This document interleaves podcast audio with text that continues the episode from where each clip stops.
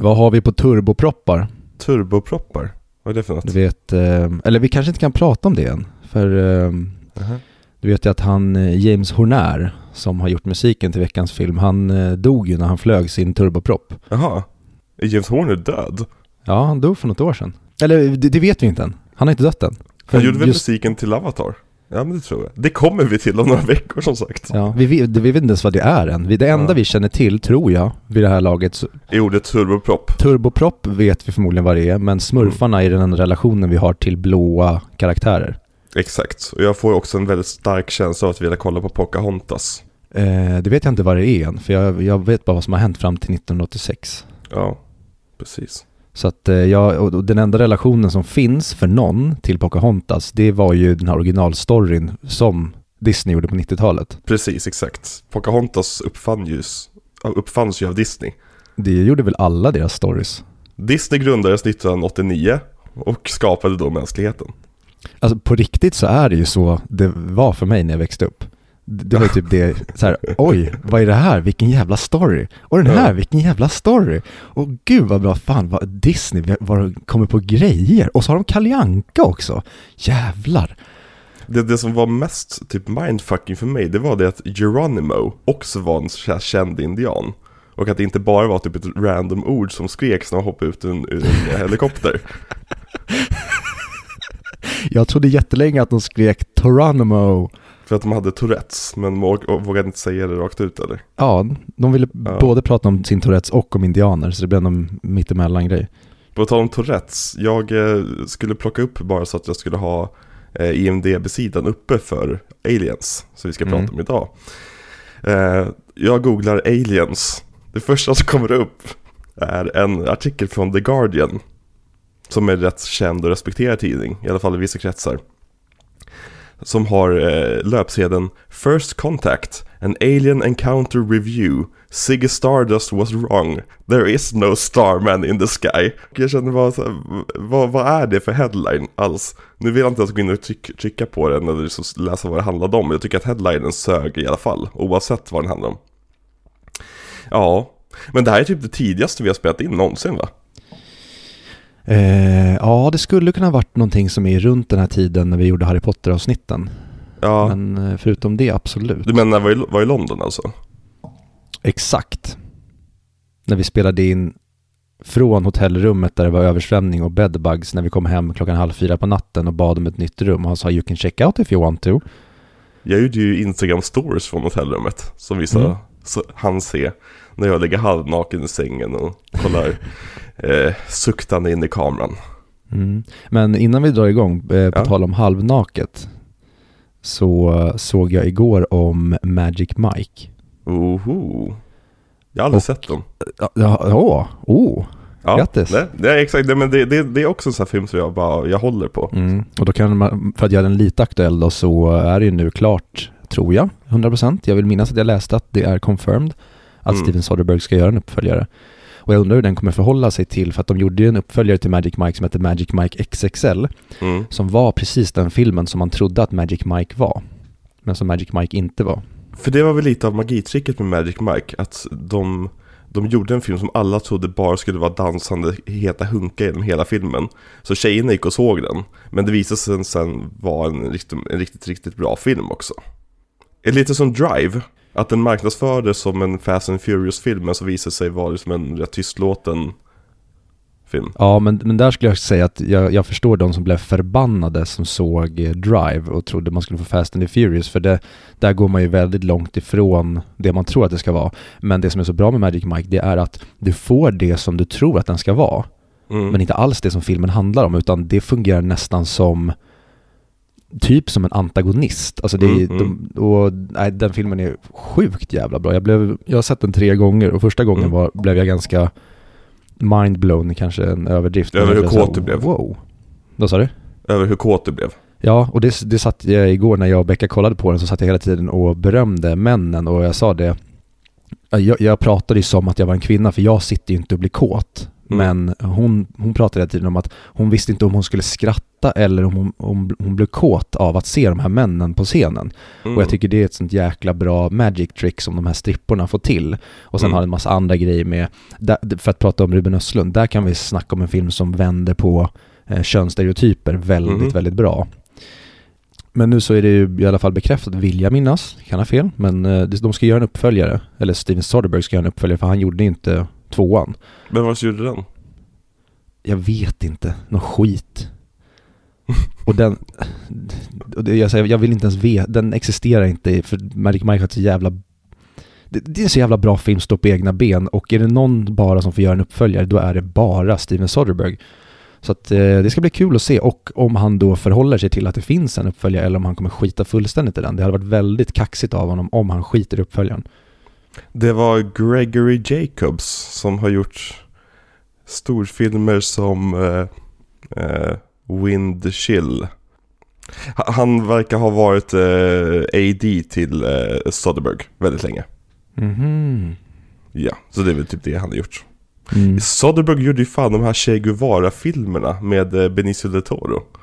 Alltså han har gjort så mycket film så det, jag fattar inte, han, han kan inte sitta på arslet en sekund känns som. Nej, verkligen inte. Och det kan inte jag heller göra för att jag sitter och dricker kaffe här. Det är, jag vet inte om ni har, har märkt det, men det är alltid en kaffekopp med i inspelningen av audio och videoklubben. Så jag Det tänkte tror så här, jag inte. nästan alltid. Nej, alltså, jag, det, jag tror inte att det har hörts. Nej, nej, nej precis. Jag, ja. Men eh, om vi skulle ha merch, Viktor. Mm. Vad skulle det vara för merch? Min skulle uppenbarligen vara en kaffekopp. För det är det jag älskar mer än allt i det här livet. Ja, men jag tycker inte det är en koppling till podden så mycket. Enda gången jag känner att vi har kommit in på det, det är väl i Cigarettes and Coffee eller Ja men exakt, Eh, gånger. Sälj, vi säljer cigaretter och kaffe. Eh, Eh, vad, fan, vad skulle man kunna ha för merch? Ehm, jag vill ju säga det, men jag borde inte säga det. Men någonting med pip är pilofil. Så, typ så, någon tröja ha- så kanske. Ja men typ uh, hoodies. På, där, två, två versioner. På ena står det Ronny, på andra står det Svensson. Så att det aldrig blir de två tillsammans. Så man kan inte anklagas för någonting. Men eh, alla vet. Ja, precis. Och det är som i svensk lag, du kan inte lägga ihop massa indicier. För du, Nej. man måste se dem en och en, så det blir skitbra. Vi kan aldrig fällas i rätten. Exakt, precis. Det blir strålande. Och så klipper vi bort det här avsnittet. Eller hur? Ehm, Okej. Du,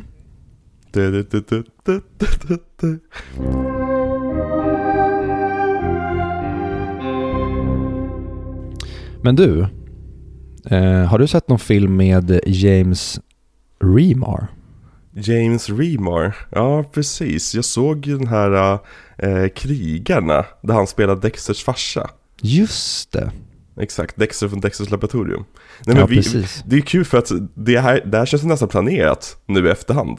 Eh, Det här är som Walter Hillandet. Men eh, det är verkligen inte det. Nej, det Eh, är, ju- vi får tacka Sigge Sonnerud för att han eh, gav oss The Warriors som Patreon eh, special som finns på Patreon att lyssna på om man vill Mm. göra det. Men där blev ju verkligen kopplingen perfekt timing att vi spelade in den när vi gjorde nu när vi kommer in på Joe Hill som vi konstaterade att han hette i eh, Warriors-avsnittet och inte Walter Hill för det är någon helt annan person som har gjort helt andra grejer än eh, The Warriors och eh, varit med och skrivit och producerat Alien-filmerna. Walter Hill, det var ju han som höll på att starta upp massa fackföreningsrörelser i USA i början på 1900-talet. Mm. Och Joe Hill, det är ju, det är ju inte Stephen Kings son heller.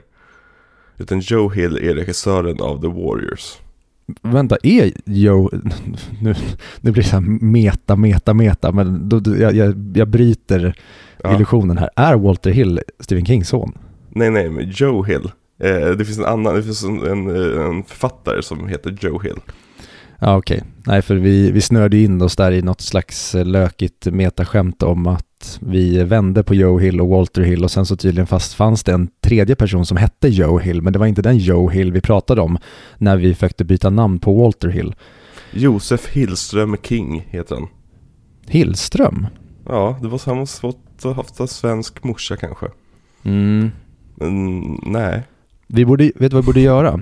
Vi borde skriva en film om hur kända människor eller framförallt människor, kända män, åker till Sverige och tar med sig svenska kvinnor, eller svenska kvinnor som åker till Hollywood och blir kända mäns fruar. Så det blir som någon slags kolonisering, fast Det den är... omvänd kolonisering.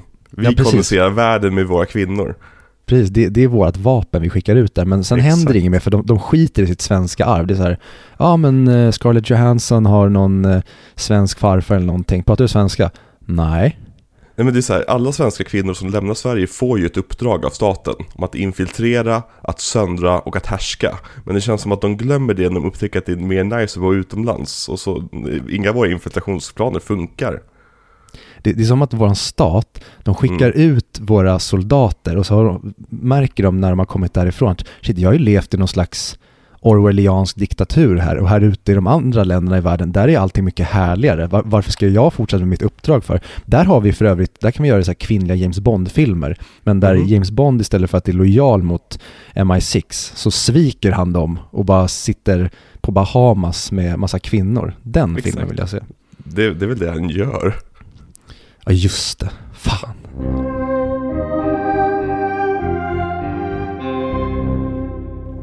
Har, du sett några roliga filmer sen sist vi sågs?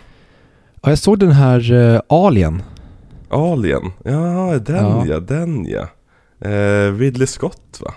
Ja, det var någon sån här skitgammal, dålig rip-off på den här skitbra filmen. Säkert inte ens HD va?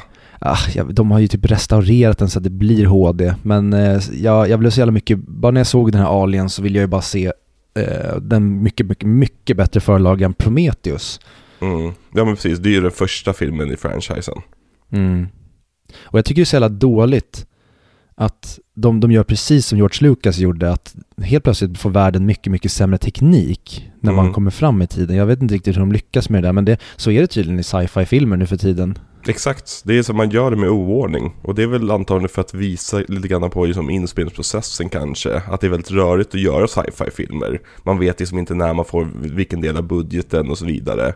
Så liksom det, det kanske är som ett metastatement från de här filmskaparna. Har du tänkt på det Viktor?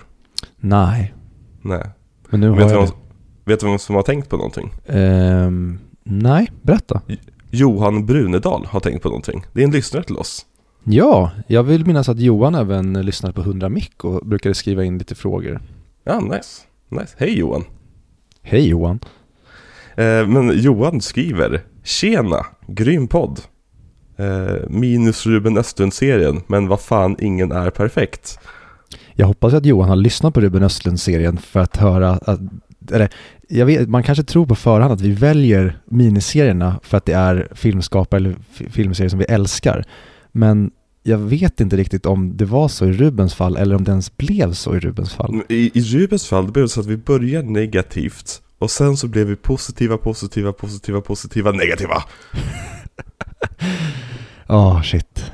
Så det, det, det, det blev en väldigt märklig kurva på den miniserien. Jag, jag, är rätt, jag är rätt nöjd med den miniserien, men det är mest för att det var typ fem veckor där vi knappt pratade film.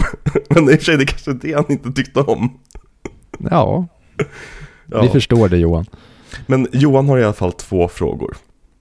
Och första frågan är då, har ni några go-to-sidor där ni hittar all info trivia om filmer när ni läser på inför ett avsnitt och hittar all sjuk fakta om vad som hänt behind the scenes? Mm. Ja, Jag går ju alltid till infowars.com. Viktor.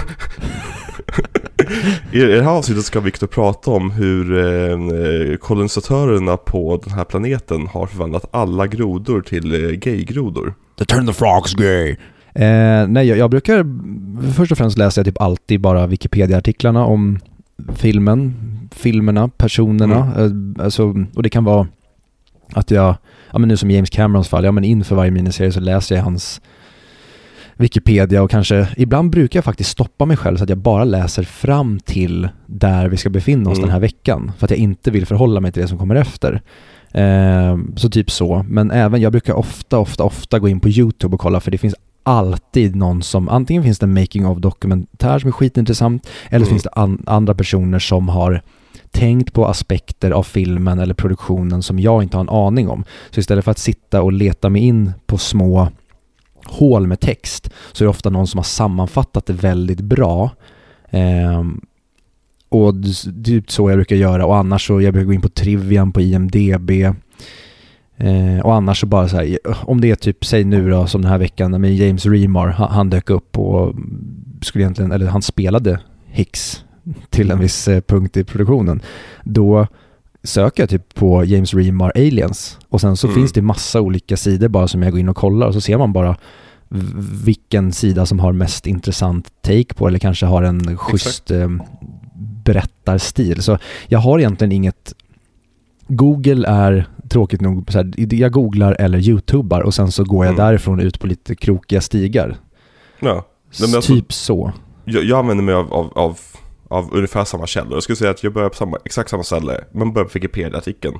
För där får man oftast en bra övergrepp, övergrepp, bra struktur. Och jag vet inte, Wikipedia har någon slags så konstigt rykte om att ingenting som står här stämmer. Och att allting suger och det står lite och dåligt. Och när du kollar på liksom, artikeln för aliens, det är liksom det man, skulle kunna, man skulle kunna trycka det här i en bok. Liksom. Det är så jävla mycket på den här sidan. Och allting har ju som källor som leder vidare till artiklar där man kan hitta fler anekdoter och fler saker. Och det leder vidare till liksom, ja, sidor i böcker och grejer. Så det är alltid ett bra ställe att börja på. Men sen så, som Viktor sa, inne på YouTube, se dokumentärer, se intervjuer. Jag tror för Ruben Östlund var det typ det enda sättet vi kunde hitta information på. För det fanns inte så jättemycket nedskrivet om hans filmer. Nej, det var jättefattigt om honom faktiskt. Det, det mesta ja. som fanns, det var ju pretty much så fanns det ju bara från turist och framåt. Lite granna mm. från play, för den blev ändå ganska håsad. Snackade om. Mm. I början av hans karriär, då var det ju väldigt, väldigt fattigt om, och då fick man typ nästan kolla intervjuer från ett par år tillbaka idag. Mm där någon eventuellt har ställt en fråga om typ de ofrivilliga. Så det fanns ingenting från den tiden, eller lite från den tiden i jämförelse med vad framförallt på Triangle of Sadness nu, där det nästan var jobbigt att kolla för att det var samma skit i varje artikel. Och det var egentligen bara så här, Åh, vad intressant din take är på det här rika och fattiga. Men då, tycker inte att han har väldigt intressant take på det här med rika och fattiga, Viktor? Jo, och det var därför jag älskade Triangle of Sadness. Ja, verkligen.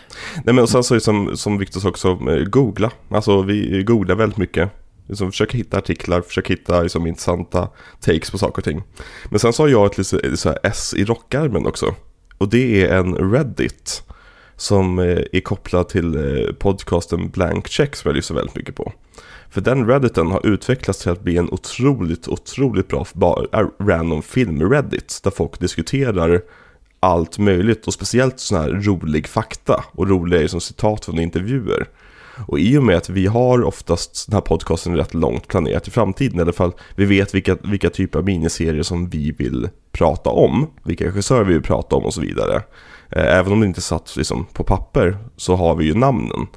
Och då om det nämns till exempel, vi säger, ja men till exempel nu i, i, i, i bara för några dagar sedan så kom det till exempel en nyhet om om eh, vem som var tänkt att castas som Bond innan Craig blev castad.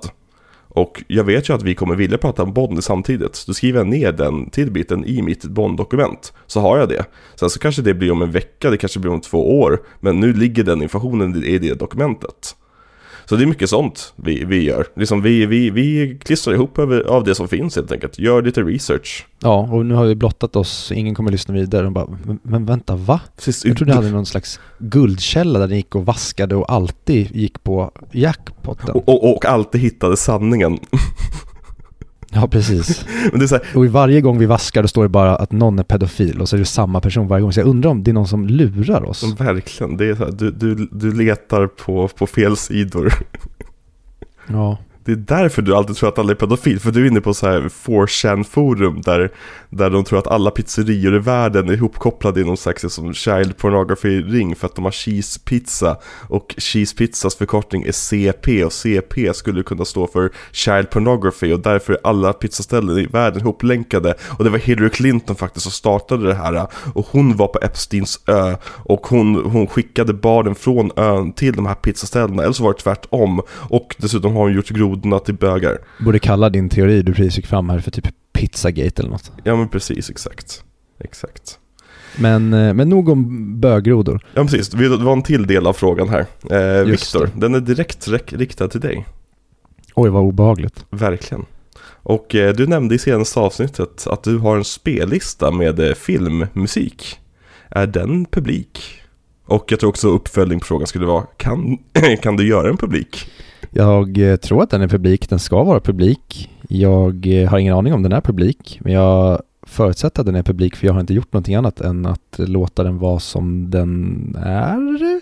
Men jag kan göra så här, jag kommer lägga in den i avsnittsbeskrivningen så att Mm. den går att eh, gå in på. Och jag satt faktiskt i veckan nu och eh, la till lite musik från, dels så la jag till några spår, tror jag, eller så lyssnade jag bara igenom musiken från Alien och Aliens. Mhm.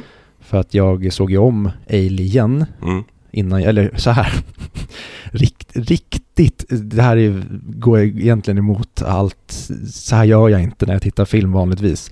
Men jag började titta på Aliens och sen halvvägs igenom så kände jag, fan, jag borde bara se Alien innan för att jag vill bara ha Alien i mina vener. Så Mm. såg jag, jag, efter halva Aliens så såg jag Alien och sen såg jag klart Aliens. Jag gjorde exakt tvärtom. Jag, jag satt och kollade på Alien. Och så efter typ halva Alien så kände jag att, nej men fan, nej jag är så jävla taggad på Aliens alltså. Jag, jag vill bara se liksom James Cameron göra liksom fet Alien action nu. Och så bytte jag, bytte jag film och det var då ungefär du skrev också och frågade om vi skulle spela in och så här, nej jag sitter och kollar på filmen. Eh, så ja, det var lite kul. Mm. Eh, nej men eh, det var inte den eh, filmmusiken jag skulle komma till för att Ja. jag såg nämligen Blond i veckan. Oho. Och eh, jag hade bara läst lite om vad det skulle vara för typ av film Mm. och sen såg jag att den var två timmar och 40 minuter Mhm. och jag vill inte se för att jag hade ganska höga förväntningar på den för att den verkade vara precis den genren som jag tycker mest om, alltså typ en psykologisk thriller, ett psykologiskt drama, någonting som har med att någon kanske inte mår så bra i huvudet. Mm. Eh, Så jag har skjutit lite på att se den, men nu tog jag äntligen arslet ur och såg den i veckan och eh, förutom The Stjärtman så tycker jag typ att det är årets bästa film. Mm. Jag tycker den var helt jävla fantastisk. Right up my alley. Såg att den typ hade 5,6 på IMDB och Mm. jag förstår till 100% varför den har det. Det är ju en vattendelare väldigt mycket. Ehm, jag tror bara man ska sätta sig och se den och bara acceptera den för vad den är. Förväntar man sig en biopic eller att man ska ha ett tydligt narrativ så Mm. kommer man att tröttna på filmen väldigt, väldigt snabbt för den är egentligen den är bara en underbar uppvisning i olika stilistiska och estetiska grepp eh, och hur man planterar det i en film för att visa hur en person mår. Den Mm. gör det på ett helt amazing sätt. Så jag kan verkligen rekommendera alla att ska ni se, inte, ens, ni sugen, inte kanske på en skräckfilm, men är ni sugna på någonting som, som får er att kanske ge lite ångest, så skulle jag verkligen sätta mig och se den eh, nersläckt och bara två timmar 40 minuter skjuta upp det rakt upp i venerna. Det är, jag har inte sett den själv men den ligger på min watchlist att kolla på innan året är slut. Eh, för den vill jag verkligen ha sett. Jag var, jag var jättetaggad på den men sen så kom den när Kom den när vi var i, i London kanske? Ja, där någonstans. Typ dagen innan vi åkte till London eller sånt där. Mm. Jag för mig att, och så bara föll den ur liksom mitt, mitt personliga schema liksom. Eh, men eh, den ligger definitivt där. Men jag, jag har sett eh, Nightmare Before Christmas i helgen. Ja, lite julfilm. Exakt, lite halloween-film. Perfekt att se. Eh, ja, när jag nu såg den. Ja, men uh, jättecharmig. Alltså Henry Selleck är ju så jävla bra med stop motion. Tom Selleck heter han. Ja, precis. Tom Selleck. Men han har ju släppt en ny film nu. Uh, Wendell and Wild. Eh, som också är stop motion. Så det, är- det är ju hans grej. Det är väl han som gjorde Coraline också. Och jag vill bara poängtera återigen att varför det här är så jävla, jag, jag stör mig på det här. Alltså på riktigt. Det är det att folk tror att, att det är eh, Tim Burton som regisserat Nightmare Before Christmas. När det Tim Burton gjorde var typ så här skriva ner lite designer på en, på en blanket. Eller nej, på, vad heter blanket? En napkin. Och sen ge till Tom... Precis. Tim, varför skriver du på en filt för? Men det är alltid så här, om, om, om man frågar om man frågar en random 14-åring vilken deras favorit Tim Burton film är så får man ofta svaret Nightmare Before Christmas. Mm, jag tror inte jag har sett den i sin helhet någon gång. Jag har bara sett den i snuttar på tv. Jag kan minnas helt fel, men det är så jag i Helt alla fall har den i mitt minne. Ja. Och så, i och med att jag såg den så blev jag lite sugen på Tim Burton när jag ändå var inne i världen. Och med Danny Elfman-musiken och allt sånt där. Eh, Så jag såg eh, Beetlejuice direkt efteråt. Och den var fantastisk.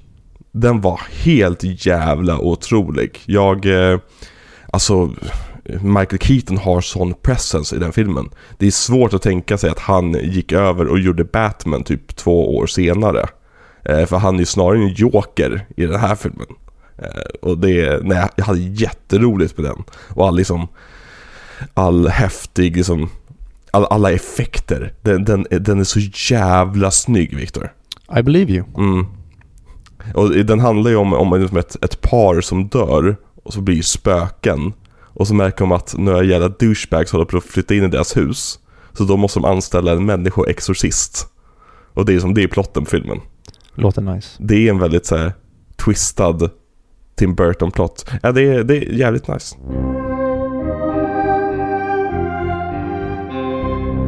Men välkomna tillbaka hörni. Till audio-videoklubben. Den här gången är första gången vi får lägga en bumper innan välkomstmeddelandet.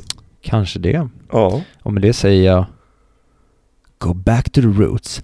Audio, video, en bra podcast.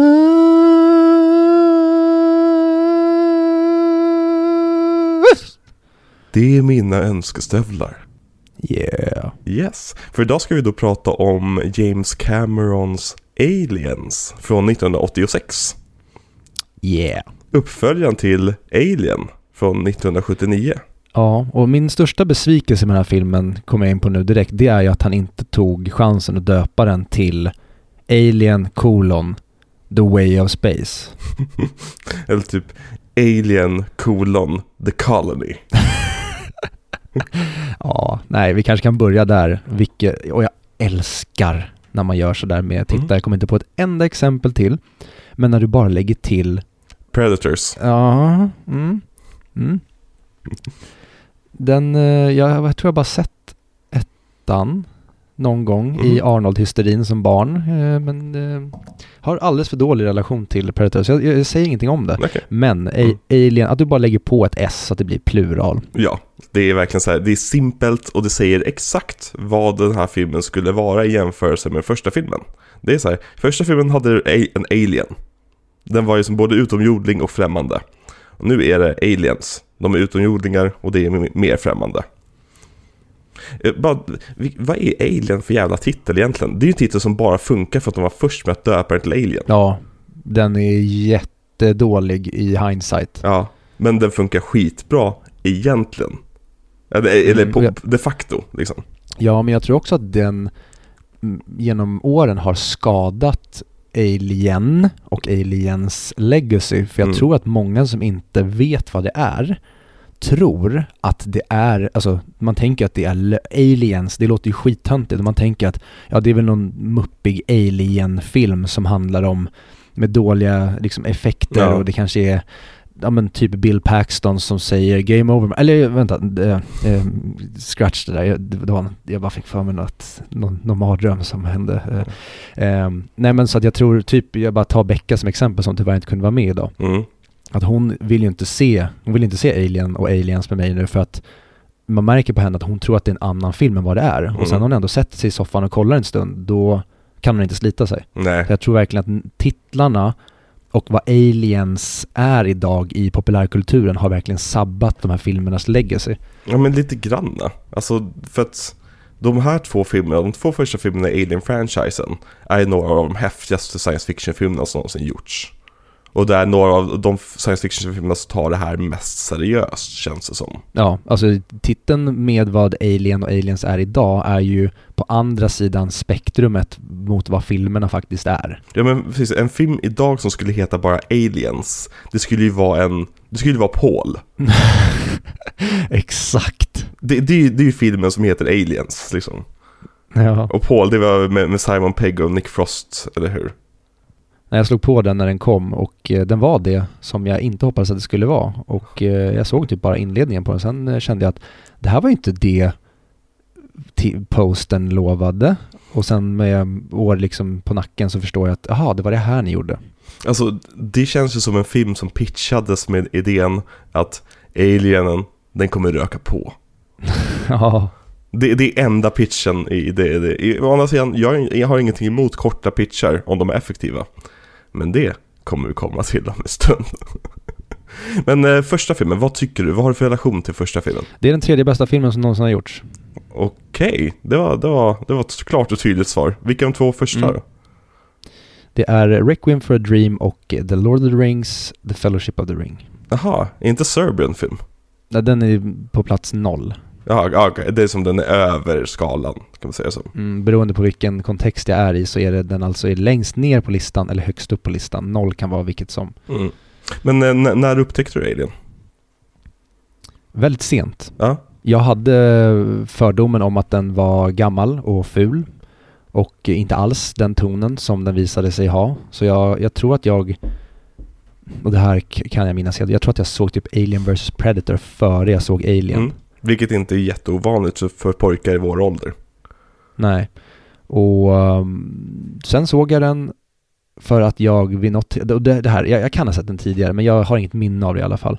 Men jag, jag eh, började egentligen bara skriva upp massa filmer i tonåren på, som hade högt betyg och de här borde man ha sett. Så väldigt många filmer som jag tvingade mig igenom eller tvingade, att play, tvingade mig själv att playa Mm. För att de var inte alls tilltalande på förhand. Nej. Och sen så visade det sig att eh, jag var dum i huvudet. Mm. Som eh, jag älskar när filmer gör med en. När man har en sån jävla förutfattad mening om vad det ska vara. Och sen ser man den och man blir omkullvält. Och så var det verkligen med Alien. Mm. Och eh, det var... När jag, jag minns att jag såg den första gången var för typ exakt tio år sedan.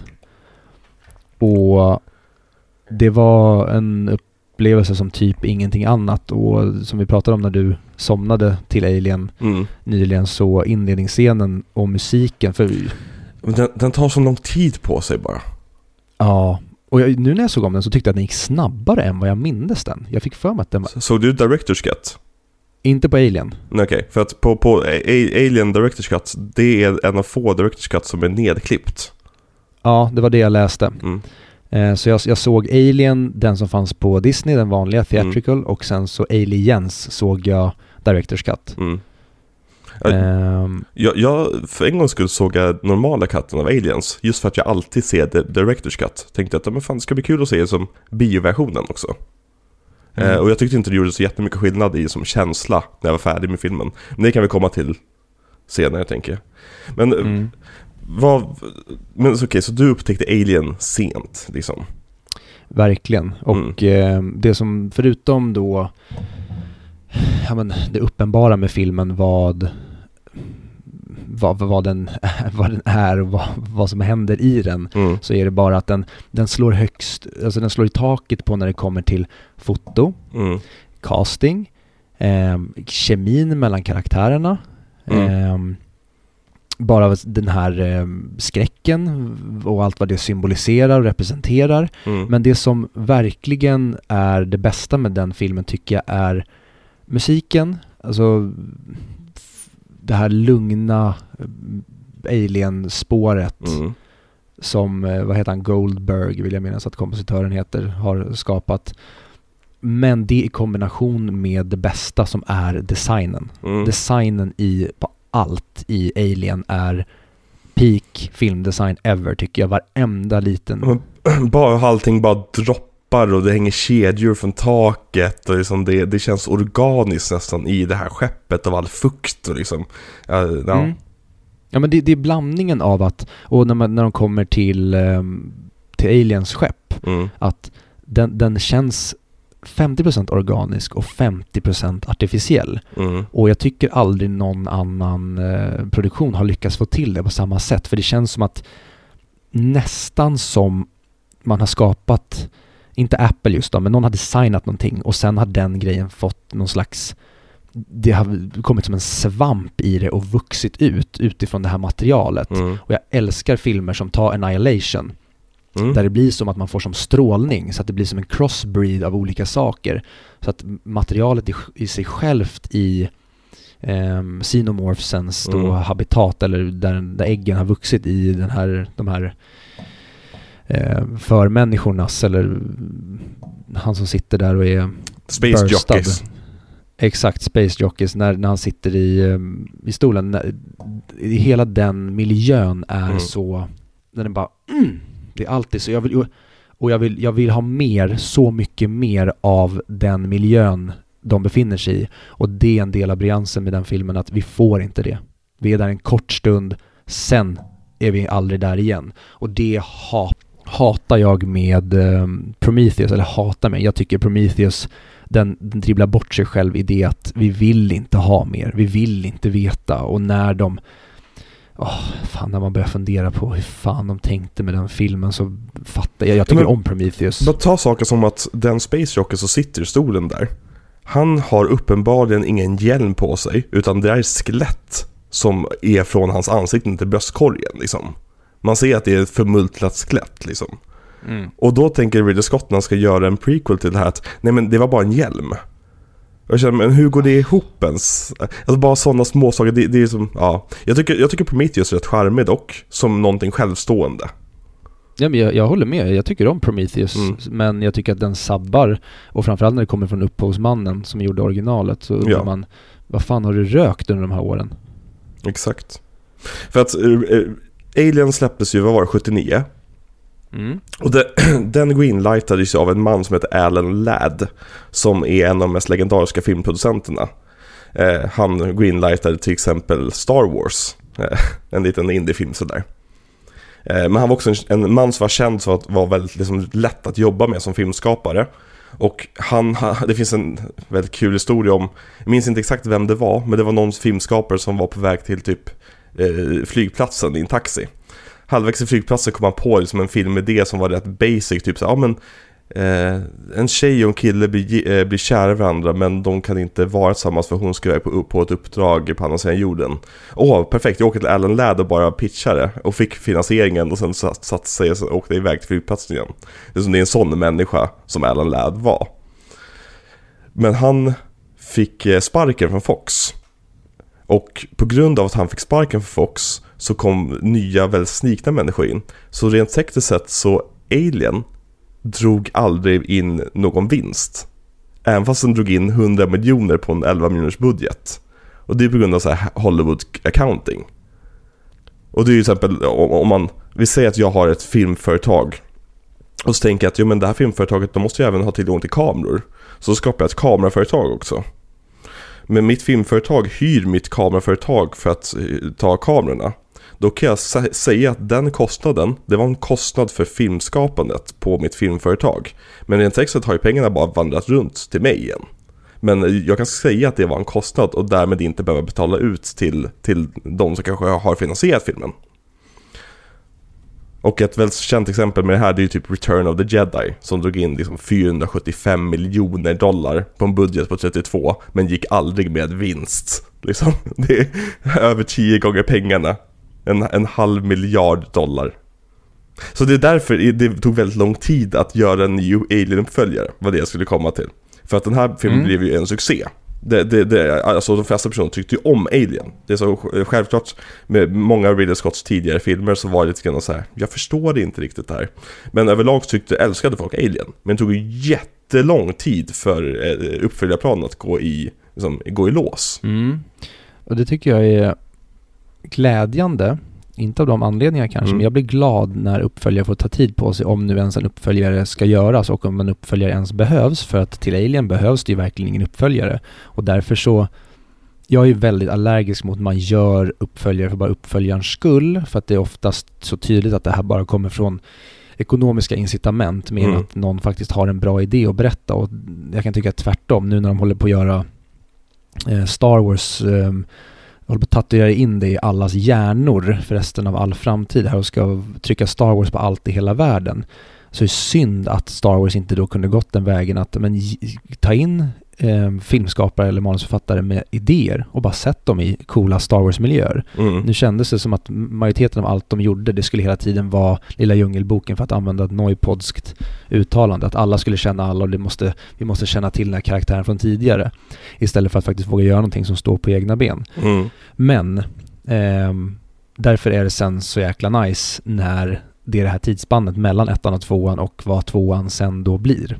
Exakt, jag och att tvåan väldigt gärna vill ta avstamp från ettan och liksom göra verkligen sin egen grej av det. Utveckla världen. Liksom, för att efter, efter lite tid på, på, på Fox så hade ju cheferna bytts ut. De byter chefer typ en månad känns det som. Eh, försök hålla koll på vem som är chef under vilken tidsperiod. Det är helt jävla omöjligt. Eh, men Joe Wizen, eh, chef för Fox, han ramlade ju då över Camerons manus till The Terminator. Och han blev väldigt, väldigt imponerad. Och han kände också så här, men varför gör vi ingen Alien-film? Varför utnyttjar inte vi den här intellectual propertyn som vi har liggandes? För det här är ju som perfekt för att göra en uppföljare till. För att eh, eh liksom, Ripley överlevde ju på slutet och liksom, det finns antagligen fler aliens där ute. Eh, och han fick också höra att, att Cameron hade samarbetat väldigt bra med Stallone på Rambo 2-manuset. Så Cameron fick en chans att liksom visa vad, vad han gick för. Vilket är kul för här hade han bara gjort Piranha 2. Jag tycker det är så jävla synd att Sylvester Stallone inte fick spela Hicks.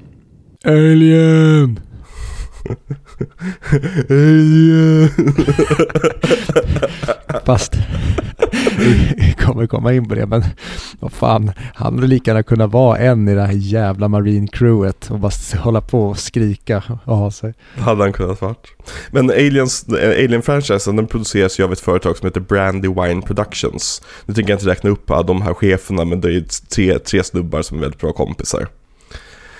Eh, men de tog i alla fall ett möte med Cameron där han fick eh, liksom, deras premiss för vad de vill att filmen ska handla om. Och det är liksom Ripley och soldater. Det är vad vi vill ha, det som är en uppföljare. Be careful what you wish for. Någonting säger mig att du är väldigt negativ till de här marinsoldaterna.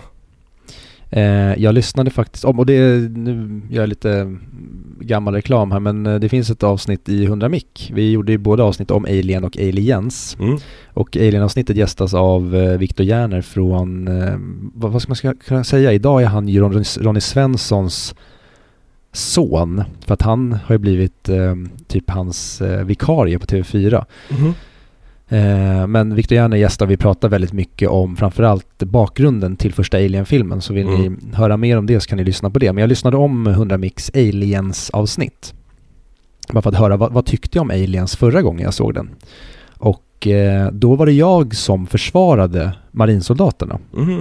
Och jag blev väldigt förvånad över att jag gjorde det. För det kommer jag inte att göra idag. Nej, Nej jag, jag hör det.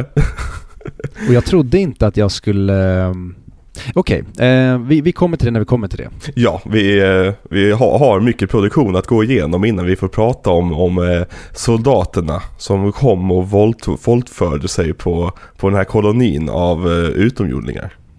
Men eh, nu har ju Fox bytt chef igen.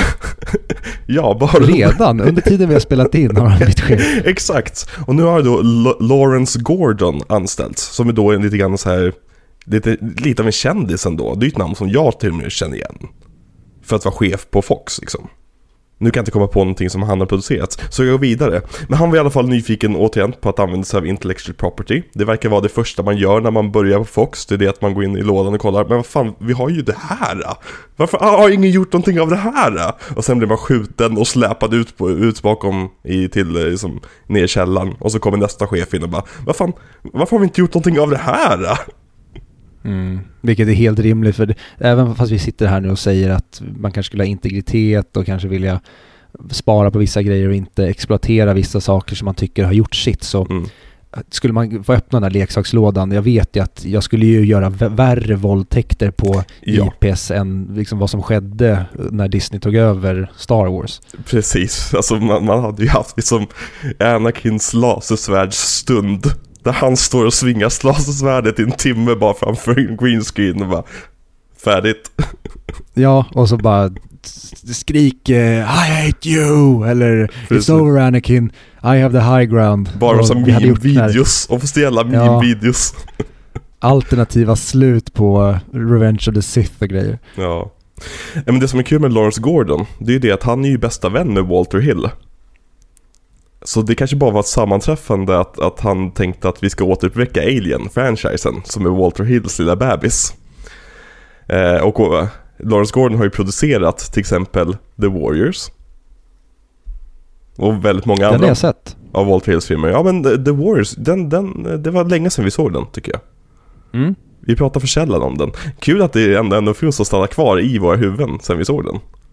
Verkligen. Det, det skrev ju eh, Sigge som Mm. önskade den. Att eh, när vi skickade avsnittet till honom att eh, han var lite, jag vet inte om han exakt använder det ordet, men han uttryckte oro för att han hade sett våra betyg på Letterboxd. Eh, men då svarade ju du att jo men vi är inte så negativa som våra betyg kanske visar, utan vi Mm. tyckte ju väldigt mycket om den filmen. Den, den var ju väldigt härlig på väldigt många sätt. Sen hade jag mest kritik till vad den gjorde dramaturgiskt och Mm. vad den egentligen utnyttjade av den här världen som de planterade i början. Precis, men stilmässigt är den ju gorgeous. Mhm. Det är, liksom, det, det, det är en film som verkligen osar av stil. Mm. Men eh, produktionen på Terminator hade ju avstannat som vi gick igenom förra veckan. För att eh, Arnold skulle ju åka iväg och spela in Conan the Destroyer. Eh, så Cameron fick ju chans och tid till att utöka sitt utkast eh, till då 90 sidor. Så det säga han fördubblade sitt utkast. Och det är även under den här perioden som han officiellt anställdes som manusförfattare. Istället för liksom, vi får se vad du kan göra. Eh, och det blev han då efter ett litet pitchmöte med Brandy Wine Brandywine Productions. Där han kom in i mötesrummet. Han gick fram till whiteboarden utan att säga ett enda ord. Tar upp pennan, skriver ordet alien på whiteboarden. Vänder sig ut mot mötesrummet. Kollar av dem. Ja, jo men alien. Yes, det är därför du är här ja.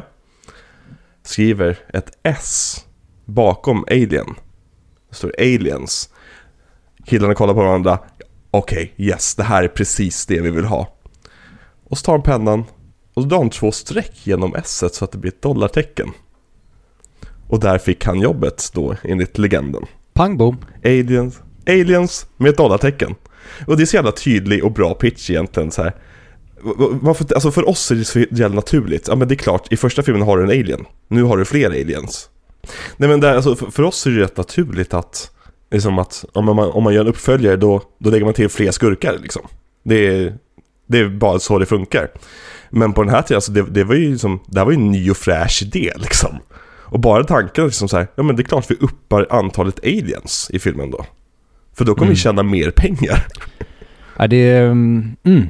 Fan, jag skulle vilja se David Fincher göra filmen om James Cameron, framförallt Ja. när han åker runt och pitchar grejer.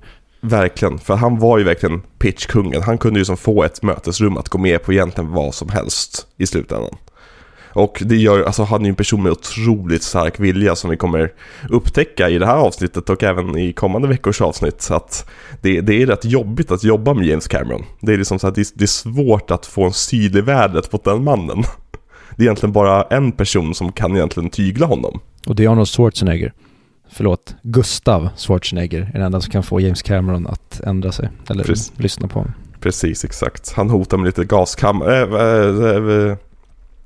Nej men Cameron, Cameron och Gail Ann Hurd. Jag vill alltid säga Ann Gail Hurd istället för Gail Ann Hurd. Jag tänker inte att Gail är ett riktigt namn, men sen så inser jag att ja, men det är klart att fan det är Gail. Gail. Liksom. Säg ga. Gale. G- nej, ga. Bara Ga. hennes initialer. Ga. Gaha. Ja, ja. Ga. Men de hade i alla fall blivit tillsammans vid det här laget. De hade inte gift sig än. Eh, de- gifte sig i- under produktionen av den här filmen. Eh, Åh. Ja men de, de använder det som ett slags som barg- bargaining tool också att när de inte kom överens med studion om hur mycket pengar de skulle få Då gifte de sig och åkte på bröllopsresa och sa 'Fuck you guys' Eh, Men hon, Cameron ville att Ga- Gail, Gail skulle vara producent Men Fox tog ju inte önskemålet seriöst Så de tänkte att så här, ja det är för att det är din flickvän liksom Och hon kommer inte kunna stå upp mot dig alls Men det visar sig att det är ju motsatsen liksom. Hon är ju den Mm. enda som kan stå upp mot, mot eh, James Cameron Som han faktiskt respekterar och lyssnar på också Ja, och jag, jag köper ju den och det ser inte så bra ut när man just är tillsammans men då borde man ju bara hänvisa till Terminator och se vad de lyckades koka ihop tillsammans på den. Exakt, exakt Ehm, Och filmen castades och jag tänker att vi kan gå mer, mer igenom casten när vi pratar om själva castlistan Eh, Men till exempel Sigourney Weaver fick återvända efter en lång liksom, negotiation om hennes lön. Hon fick ju en miljon dollar för den här filmen, vilket var liksom, otänkbart tidigare. Men hon, hon förhandlade hårt, liksom. det, och det, vilket hon förtjänar, för hon är ju bulten i den här filmen som håller ihop allting. Det finns aldrig någon som har, eller aldrig någon. Vi, ibland så har vi en tendens kanske att bärsa på hur eh, kvinnliga protagonister framförallt i modern mm. tid porträtteras i film och hur eh, förvirrade eh, manusförfattare verkar vara av att idag ska alla starka kvinnor vara otrevliga män, bara att de har snippa och lite tuttisar. Men det finns ju inte en kvinnlig karaktär någonsin igen i filmhistorien som har gjorts bättre än Ellen Ripley. Nej, det är lite spoiler alert för vad vi tycker om Ellen Ripley men eh, ja det är, det är nog en av de absolut bästa kvinnokaraktärerna i en, i en actionfilm i alla fall. Ja men även från, alltså nu gör hon det hon gör i princip fast hon får vara lite mer badass i den här men mm. även i första filmen. Bara mm. Hur de använder henne och att hon egentligen är ganska mycket i bakgrunden under första halvan av filmen och sen i slutändan visar det sig att nej, det var henne vi typ hejade på. Och då, för, för första filmen, I första filmen så gör de ju det här lilla magitricket att man tror att det är Dallas som är huvudkaraktären. Men så visar det sig att det är Ripley egentligen. Mm, det är så jävla bra. Det gör de lite grann i den här filmen också. Men det kan vi komma till lite senare. Men de hade ju en budget på 18 miljoner dollar, vilket är en rätt stor budget. Eh, han lyckas förhandla sig till. Eh, de, studien ville ge honom 10 miljoner ett tag och han önskade typ 30 miljoner. Och det här blev väl en bra kompromiss efter efter att de hade liksom pushat på studion. Och så läste jag också att casten, hela casten, alla som spelar Marines, fick ett uppdrag av James Cameron. Och det är att läsa Starship Troopers. Men är boken en satir också? Ja, boken ska vara en satir vad jag har förstått det som. Mm, och det kanske inte var så jävla bra gjort av James. Ja, oh, okej. Okay. Um, ehm, Nej alltså, ja, nej. Starship Troopers är ju någonting vi aldrig kommer att prata om igen på den här podcasten. Nej. Vi nämner den aldrig och vi kommer aldrig, aldrig göra en mellanakt om den filmen. Jag vägrar. Ja. Men eh, den här spelas ju då in i England, precis som första filmen, på Pinewood Studios. Eh, med mer eller mindre samma liksom crew, alltså så här, eh, de som springer runt och bär på saker och ting, som första filmen. Och eh, Camerons crew, han, de hatade ju honom. För att de hade väldigt mycket clash om arbetsmoral och, och eh, arbetstider och eh, speciellt det här med tepaus och eh, liksom tea time var någonting Cameron inte alls förstod. Utan han liksom, vadå, ni, ska, ni, ni jobbar med en 8 till 5. Under den tiden äger jag er. Vadå, ska ni, ska ni gå iväg en 10 minuter och dricka te? Vad är det här för något liksom? Eh, och det måste man ju förstå när man jobbar i England, att det är ju en helig stund för, för, för britterna. Det är ungefär som att åka till som Spanien och säga åt dem att sluta ta siesta. Det händer ju liksom inte. Nej, det kanske inte var världens bästa fingertoppskänsla av eh, Jimmy Boy. Nej, och dessutom så var han ju också, i och med att det här var hans som stora break så ville ju han göra allting perfekt. Så han var ju perfektionist och la sig i, i liksom allting. Liksom från liksom placering av lampor till hur mackorna skulle smaka liksom. Och hans brist på erfarenhet hölls ju då emot honom för att ingen trodde ju på att det han föreslog skulle bli bra. Utan alla tänkte ju som att, ja men ja, visst visst, vi säger så och sen så gör de sin egen grej i alla fall. Och Gail mm. blev anklagad för att hon hade fått jobbet bara för att hon låg med honom. Och det är som återkommande att han gav sin, sin assistant director ett uppdrag där han sa ja men gör på det här sättet. Och så gjorde han på ett helt annat sätt för han litade inte på honom. Eh, samma sak med fotografen, han, han ville tydligen att filmen skulle vara väldigt ljust eh, ljussatt. Medan Cameron ville ha det här dunkla mörkret. Och det bråkade de om och de lydde inte varandra så han sparkade ju folk på löpande band. Tills en dag när crewet egentligen fick nog och liksom lämnade studion tillsammans med de här sparkade männen då. Mm, och vi ska tillägga att det här är ju crewet som gjorde Alien. Precis, exakt. Så de har ju gått för att jobba med Ridley Scott som, vad jag har förstått som, är en väldigt lugn och sansad person. Och väldigt, han är ju britt själv om jag har förstått det rätt. Och liksom, han, han är väldigt mycket gå runt och liksom, yeah, yeah, that's gonna be good. Okay, yeah, that, that, that, that, that looks good. Yeah, Uh, everybody, we're doing such a great job. Medan James Cameron kommer in typ med liksom Hitlermössan på sig och liksom börjar stå han bör, inleder med att ställa sig och hejdla praktiskt taget. Liksom. Han bara tar, skriver director på en whiteboard mm. Och sen stryker han några bokstäver och sen så lägger han till så står det dictator. Exakt, precis. That's what I am guys. Ja, men eh, en av den första fotografen han som ville ljussätta det eh, väldigt ljust hette Dick Bush. Det tyckte jag var kul. Mm. Det ska jag döpa mitt barn till. Mm, Dick Bush. Snoppebuske. Men efter, efter att eh, alla, alla i crewet hade då lämnat produktionen eh, Eh, så ville Cameron då flytta produktionen till USA för att slippa de här jävla britterna. Eh, men eh, både Gale och Fox övertalade honom till ett möte med crewet där liksom de skulle gå igenom sina grievances och de skulle liksom prata igenom det här och liksom komma överens om någonting. Och han gick bara in och sa det som att det här är min film, det här är min vision. Om någon som har problem med det så finns dörren där borta. Eh, Diplomaten James Cameron. Men crewet gick ju med på det här villkoret med enda villkoret att, liksom, att deras arbetstider och tepauser skulle respekteras. Sjukdomar, det känns nästan, nu har inte du sett det, men ehm, i Entourage Mm. så spelar Stellan Skarsgård en eh, tysk regissör som heter Mhm. Werner. Inte James Cameron med? Jo, som sig själv när han ska göra Aquaman. Älskar James Cameron i Entourage. Han, åh, jag, bara, jag blir så glad när enorma stjärnor, eller vad man nu ska kalla honom, liksom en av de största regissörerna någonsin, är Mm. med i en Hollywood-satir och spelar sig själv där han han blir liksom en, en del av huvudplotten för att det är problem med casting och produktion och Mm. Ja men det, oh, är bara ni som inte har sett Entourage, se det och speciellt delarna med James Cameron är kanon. Allting känns så superautentiskt. Kul att det är Aquaman också. Mm. Det passar in väldigt verkligen. bra på James Cameron. Mm. Jo men jag, jag tror också att han kanske tackade ja till det på grund av att de typ porträtterar honom väldigt Cameronskt för att Mm. de har till exempel man får se många scener utspelar sig i eller under inspelningen när de använder blue screen och hur han ska få saker att verka som att de är under vattnet och Mm. hur, hur han bryr sig om designen på vapnen som de ska ha i Aquaman. Det är, ja, det är kanon bara. Mm. Och så har du ändå inte sett Aquaman-filmen. För du köpte biljetter till fel dagar. Ja, Jag och Victor skulle gå och se Aqua- Aquaman-filmen när den kom.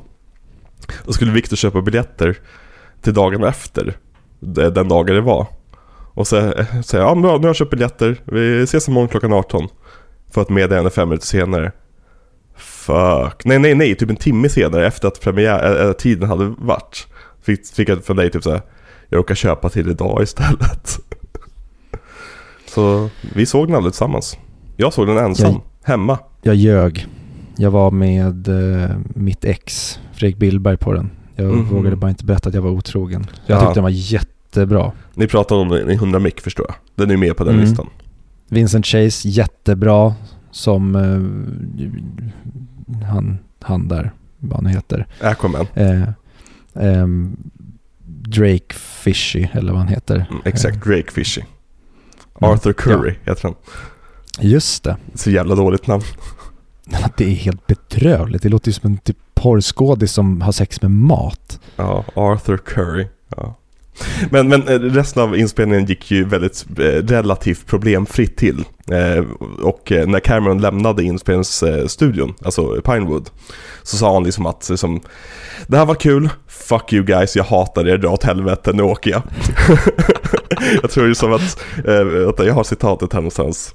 Uh, but the one thing that kept me going through it all was the certain knowledge that one day I would drive out the gate of Pinewood and never come back, and that you sorry bastards would still be here. Ja, jag, han, han växer i mina ögon för varje citat. Ja men han, det är en man som inte skräder sina ord alls. Mm. Mm. Det hade nästan varit underbart om han också var en misslyckad regissör. Men eh, det typ lika underbart att han är den mest inkomstbringande regissören ever. Ja men det är ju roligt med en, en person som är ett rövhål som alla tycker är ett rövhål för att han är perfektionist. Men så visar det sig att han har rätt i allt han säger om det liksom. Ja. Ja.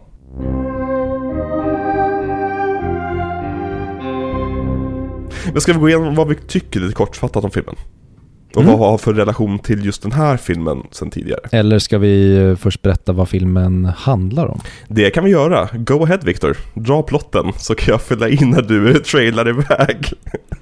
Okej, tänk er så här. Att en kvinna är på ett fraktskepp tillsammans med sin besättning. Vi tror att filmen handlar om henne, eller vi, förlåt. vi, tror, Det börjar bra. vi tror att filmen handlar om någon annan. Men det visar sig att filmen handlar om henne. Hon överlever när det är en, eh, ett barn till en av besättningen, eh, en, ett barn till en i besättningen som har dödat alla på eh, skeppet, inklusive sin förälder. Men hon då tar det här barnet och skickar ut barnet i rymden efter att ha bråkat med barnet när hon är på väg ifrån skeppet som hon har sprängt. Alltså hon har ju sprängt hela, alla sina vänner. Time, time out-hörnan skickar barnet Ja, till. Precis. Och sen då så somnar hon.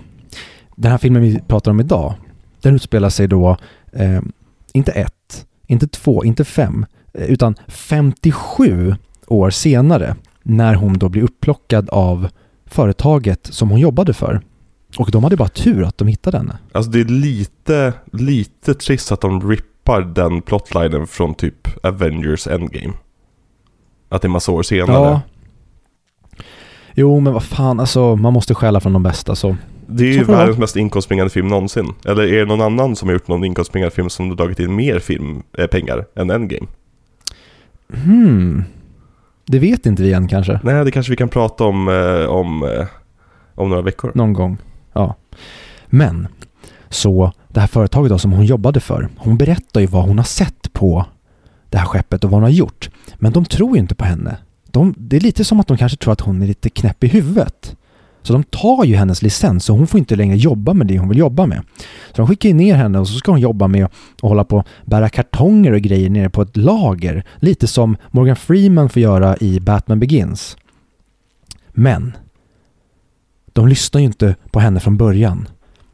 Men en dag så svarar ingen längre i telefonen på den här planeten som hon då påstår har varit på.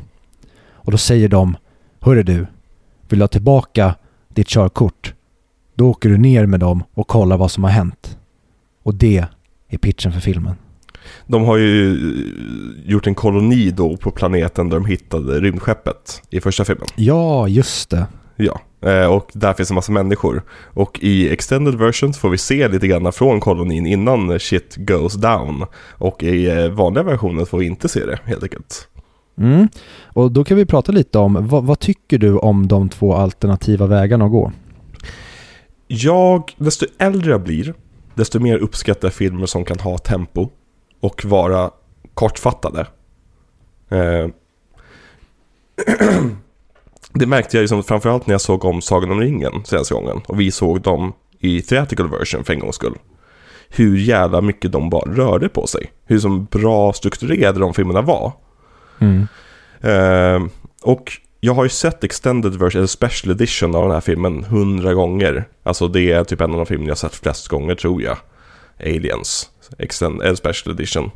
Och jag kan ju alla de här scenerna helt och hållet utan till eh, när det kommer till som vad som har lagts till och vad som har tagits bort. Det är ju mest det här med turretsen eh, och även lite grann i början.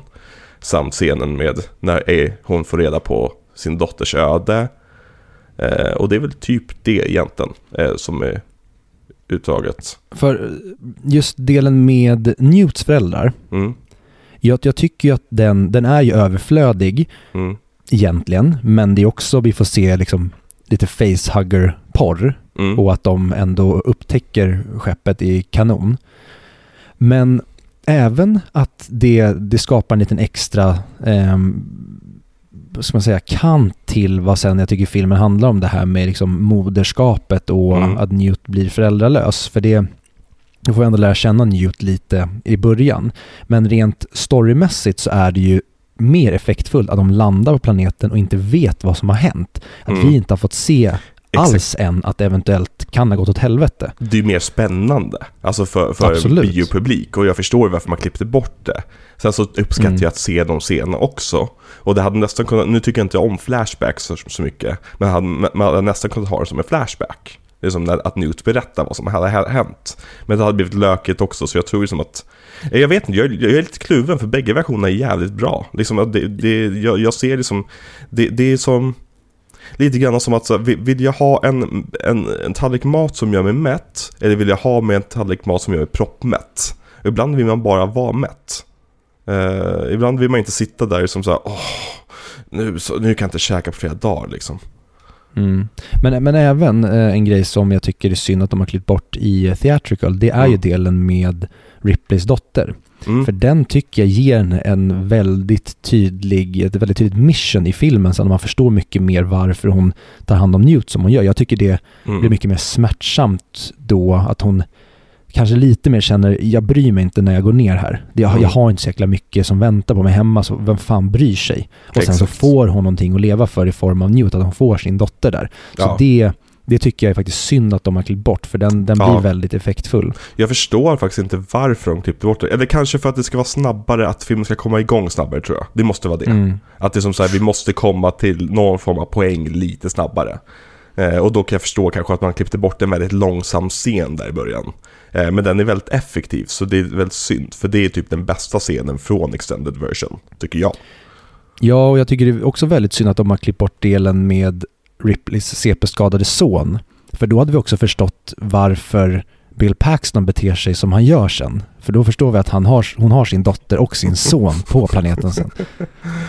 Ja, men eh, Ripley får ju då åka ner till den här koloniplaneten eh, som då är på, på stället där de hittar rymdskeppet i första filmen med ett gäng eh, marines som är jättehäftiga och tuffa och tror att de kan allting och de är supersjälvsäkra och har sin jargong. Eh, lite grann som teamet i första filmen. Eh, men sen så Mhm. helt, helt plötsligt efter, efter deras första mission så upptäcker de att vi får inte använda våra vapen för att då kommer vi spränga skiten. Och vi är helt överväldigade av liksom, de här alienserna så vi är jävla töntar som liksom ligger och gråter praktiskt taget resten av filmen. Ja, och eh, nu när du har berättat att eh, han sa åt dem att läsa Starship Troopers så förstår jag mycket mer varför de håller på som de gör. Mhm. Men det är den enda egentliga kritiken jag har till den här filmen. Det är mar- marinsoldaterna och vad, vilken film de befinner sig, är, är- befinner sig i. Inte alla, för att Mm. Hicks gör det ju kanon. Och jag förstår ju att det ska finnas en kontrast där i hur självsäkra och kaxiga de är i början och sen hur fjantiga och töntiga de ser ut. Mm.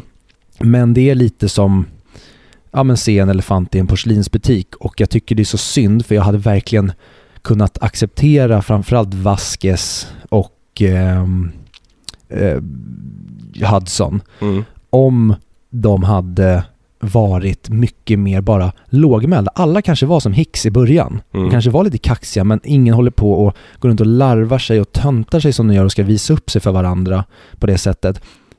Ehm, men jag tycker att, eller för det hade, då, det hade funkat väldigt bra då om eh, när de sen tappar förståndet, framförallt då Hudson hade jag tyckt så här, Mm. och jävlar, han, var en, han spelade cool och hade koll på läget. Och sen blev han helt spritt galen av att han inte kunde hantera det här.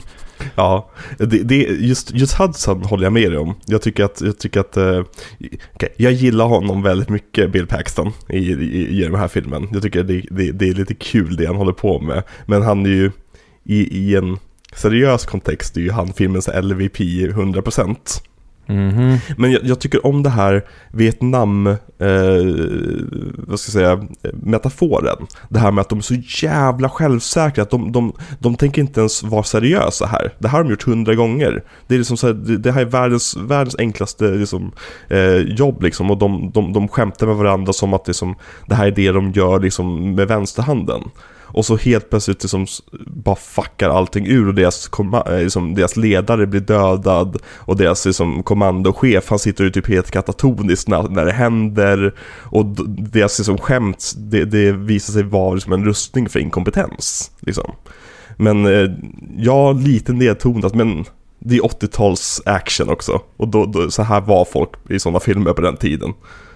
Ja, men jag, jag tycker, jag, alltså, det är det. Jag har inte problem med vad som görs, jag har problem med hur det görs. Mm. Och hade man bara kunnat trycka ner dem så hade det funkat. För jag tycker att det där får vi inte se någonting av i The Terminator. Mm. Och det finns även inte i Alien. Så i filmen så tycker jag att det inte passar in. Sen i en annan, om den hade stått på egna ben, men sure, då, då, då kan man göra det och att man kanske då har en hint till att det ska vara kaxiga Vietnamkrig. Jag gillar verkligen det, men det är Mm. just det hur det utförs och att det blir som Ja, det blir verkligen Starship Troopers. Jag tycker det, den, den känslan går rakt igenom dem och det är så jäkla synd för jag tycker verkligen om hur inkompetenta de är och Mm. att Ripley sen får steppa upp. Det är bara utförandet av dem och framförallt då får tyvärr Bill Paxton bära hundhuvudet för det. För Ja. jag tycker nu när jag såg om den igen, jag försvarade honom förra gången, men nu var det verkligen att, men snälla, det är okej om du gör de här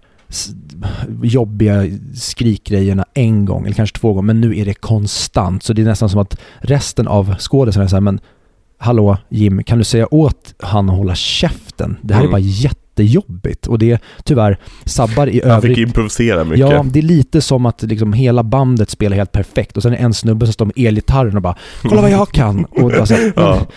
Åh, ta bort honom därifrån för ni andra håller på att skapa ett mästerverk här. Och sen Mm. är det han här som håller på och jag vet inte om han larvar sig eller om han eh, tror att han är bra. Jag vet inte riktigt vad han sysslar med och det tycker jag är synd att det är det enda jag hade önskat skulle kunna vara annorlunda med den här. I övrigt så är Mm. den helt jävla amazing. Det är typ, och jag säger det redan nu, Ja.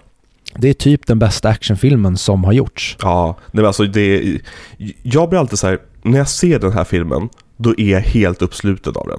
Jag, jag kommer inte ifrån den och jag älskar varenda jävla sekund. Och sen så mellan tittningarna så är det så här, jo men det var väl bra. Och sen så påminns jag igen om det varje gång jag ser den att, alltså sista halvtimmen, alltså från och med att, att Ripley börjar dra på sig utrustningen och bara den, ser hur lång den är, hennes processscen när hon ska klä på sig liksom. Alltså därför, alltså äh, Sigourney Weaver, alltså jag förstår varför hon blev Oscars-nominerad för den här filmen. Alltså för det var verkligen, alltså hennes intensitet i de scenerna är, jag, jag fick ju rysningar bara av hennes blickar. Mm. Liksom. Men jag, jag älskar den här filmen. Jag tycker att jag, eh, jag kommer kanske komma in på det lite senare, men jag tycker faktiskt att den här är bättre än Alien. Oj. Eh, det, vilket jag inte trodde jag skulle säga. Eh, jag, eh, saker som den här fick mig att känna, det har ingen film fått mig att känna på så länge. Och det inkluderar att se Top Gun Maverick på bio. Okej. Ja.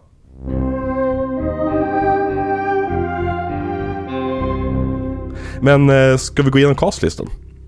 När vi Absolut. pratar, pratar om vad vi tycker och, och karaktärerna. Mm. För vi har ju Sigourney Weaver. Hon hade ju varit med i Annie Hall, det var där hon slog igenom. Hon- sen var hon med i Ghostbusters och Alien. Och det är väl typ det hon har gjort hittills i sin karriär.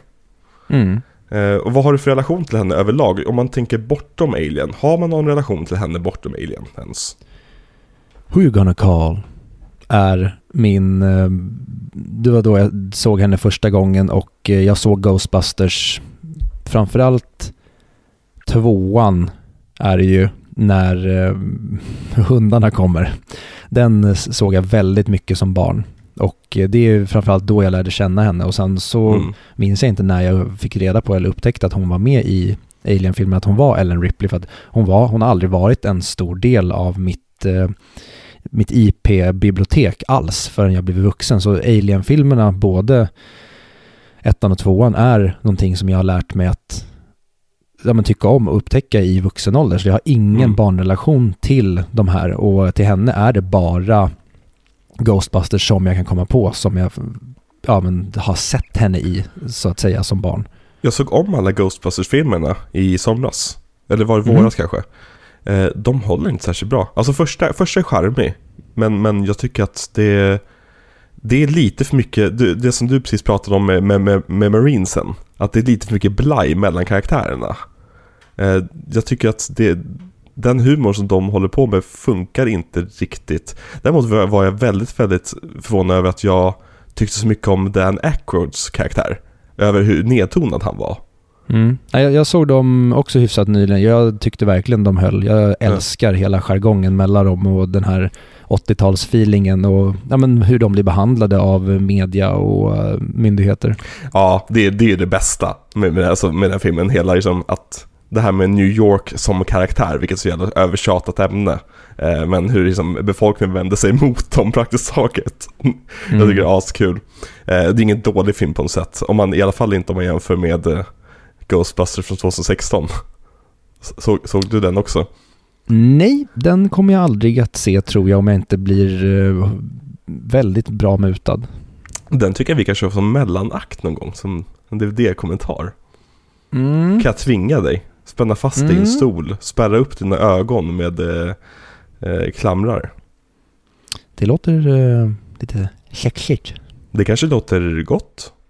Ja, men vad tycker du om Sig Sigourney Weaver i den här filmen då? Hon heter för övrigt Sigur Sigourney. Det är ju taget efter en karaktär i The Great Gatsby.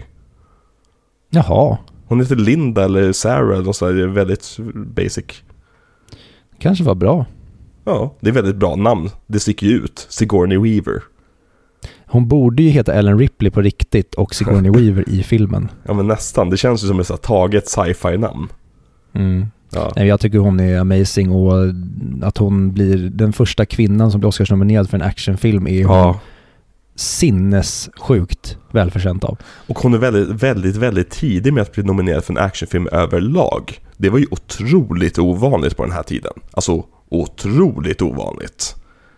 Alltså som att en film som Aliens fick Oscars-nomineringar. Det säger Mm. bara liksom hur, hur maffig den här filmen som är i slutändan. Men ja, hon är ju grundbulten i hela filmen. Utan henne faller ju den här filmen nästan. Om man bortser från liksom allting annat som är häftigt med filmen. Men det är hon som är den emotionella tyngdpunkten. Så bara scenen när hon får se på tv-skärmarna hur en av kolonisatörerna ber om att bli dödade. När hon spelar upp PTSD-grejen för det. Mm. Tycker jag är helt fantastiskt. Ja, ja, shit. Alltså inledningen på den här filmen är otrolig och jag, jag tycker det är så bra sen vart James Cameron tar den här filmen att det blir den actionrökaren som det blir. Mm. Det är som att han vrider upp actionen bara i en jämn takt genom hela filmen och till slut Ja. så är det bara pure action. Mm. För i början så har vi ju exakt samma känsla, exakt samma estetik, exakt samma ton som Alien. Verkligen. Och det är därför jag tycker om äh, den vanliga editionen mer. För att den börjar i Alien. Verkligen. Med att man får se, det första man får se är eh, liksom, eh, eh, kapseln från The Nostromo. Och liksom att vi kommer in på den långsamt, långsamt. Vi får, liksom, vi får vara i Alien-världen en stund innan vi får komma in i Aliens-världen. Och det tycker jag är bra Mhm. när, man gör, när man gör en uppföljare.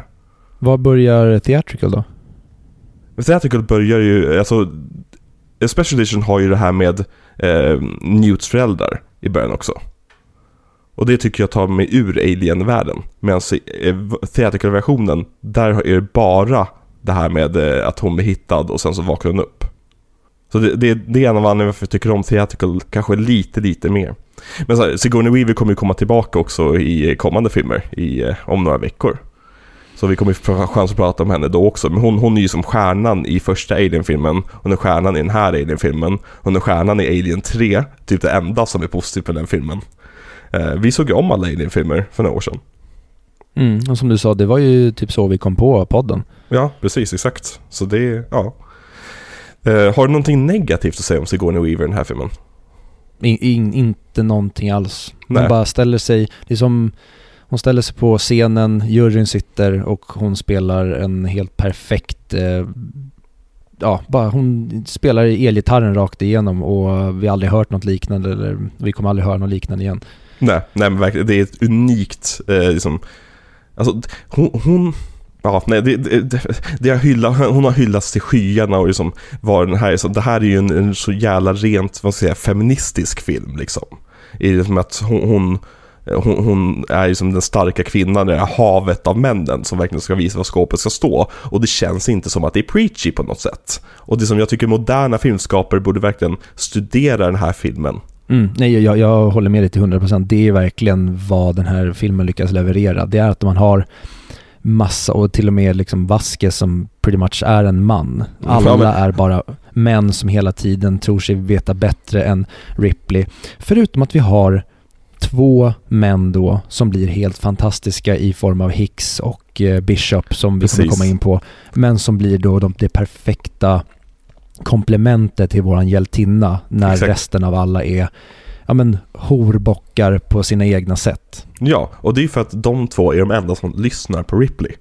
Mm. All, alla andra vet, tror att de kan bättre än henne i det här fallet. Det här är en film om mansplaining, inser jag nu. Mm, ja men verkligen, alltså, och jag tycker Burke gör det så jäkla bra genom hela filmen. Och jag tycker, och hur det planteras i början av filmen, att när han säger att så här, ja men jag jobbar för myndigheterna, men Ripley, jag är en ganska okej kille. Så här, Mm. Jaha, du mansplainar redan om hur bra du är här. Är du verkligen så här bra? Hmm. Precis. Eh, Ma- eh, Michael Bean spelar Hicks. Ja, inte sett det någonting tidigare. Nej precis, du var inte så att såg honom förra veckan i någonting. Aha, var det han? Ja precis, han Okej. spelade The Terminator. Just det. Mm. Nej, det var han som förgrep sig på Sarah Connor.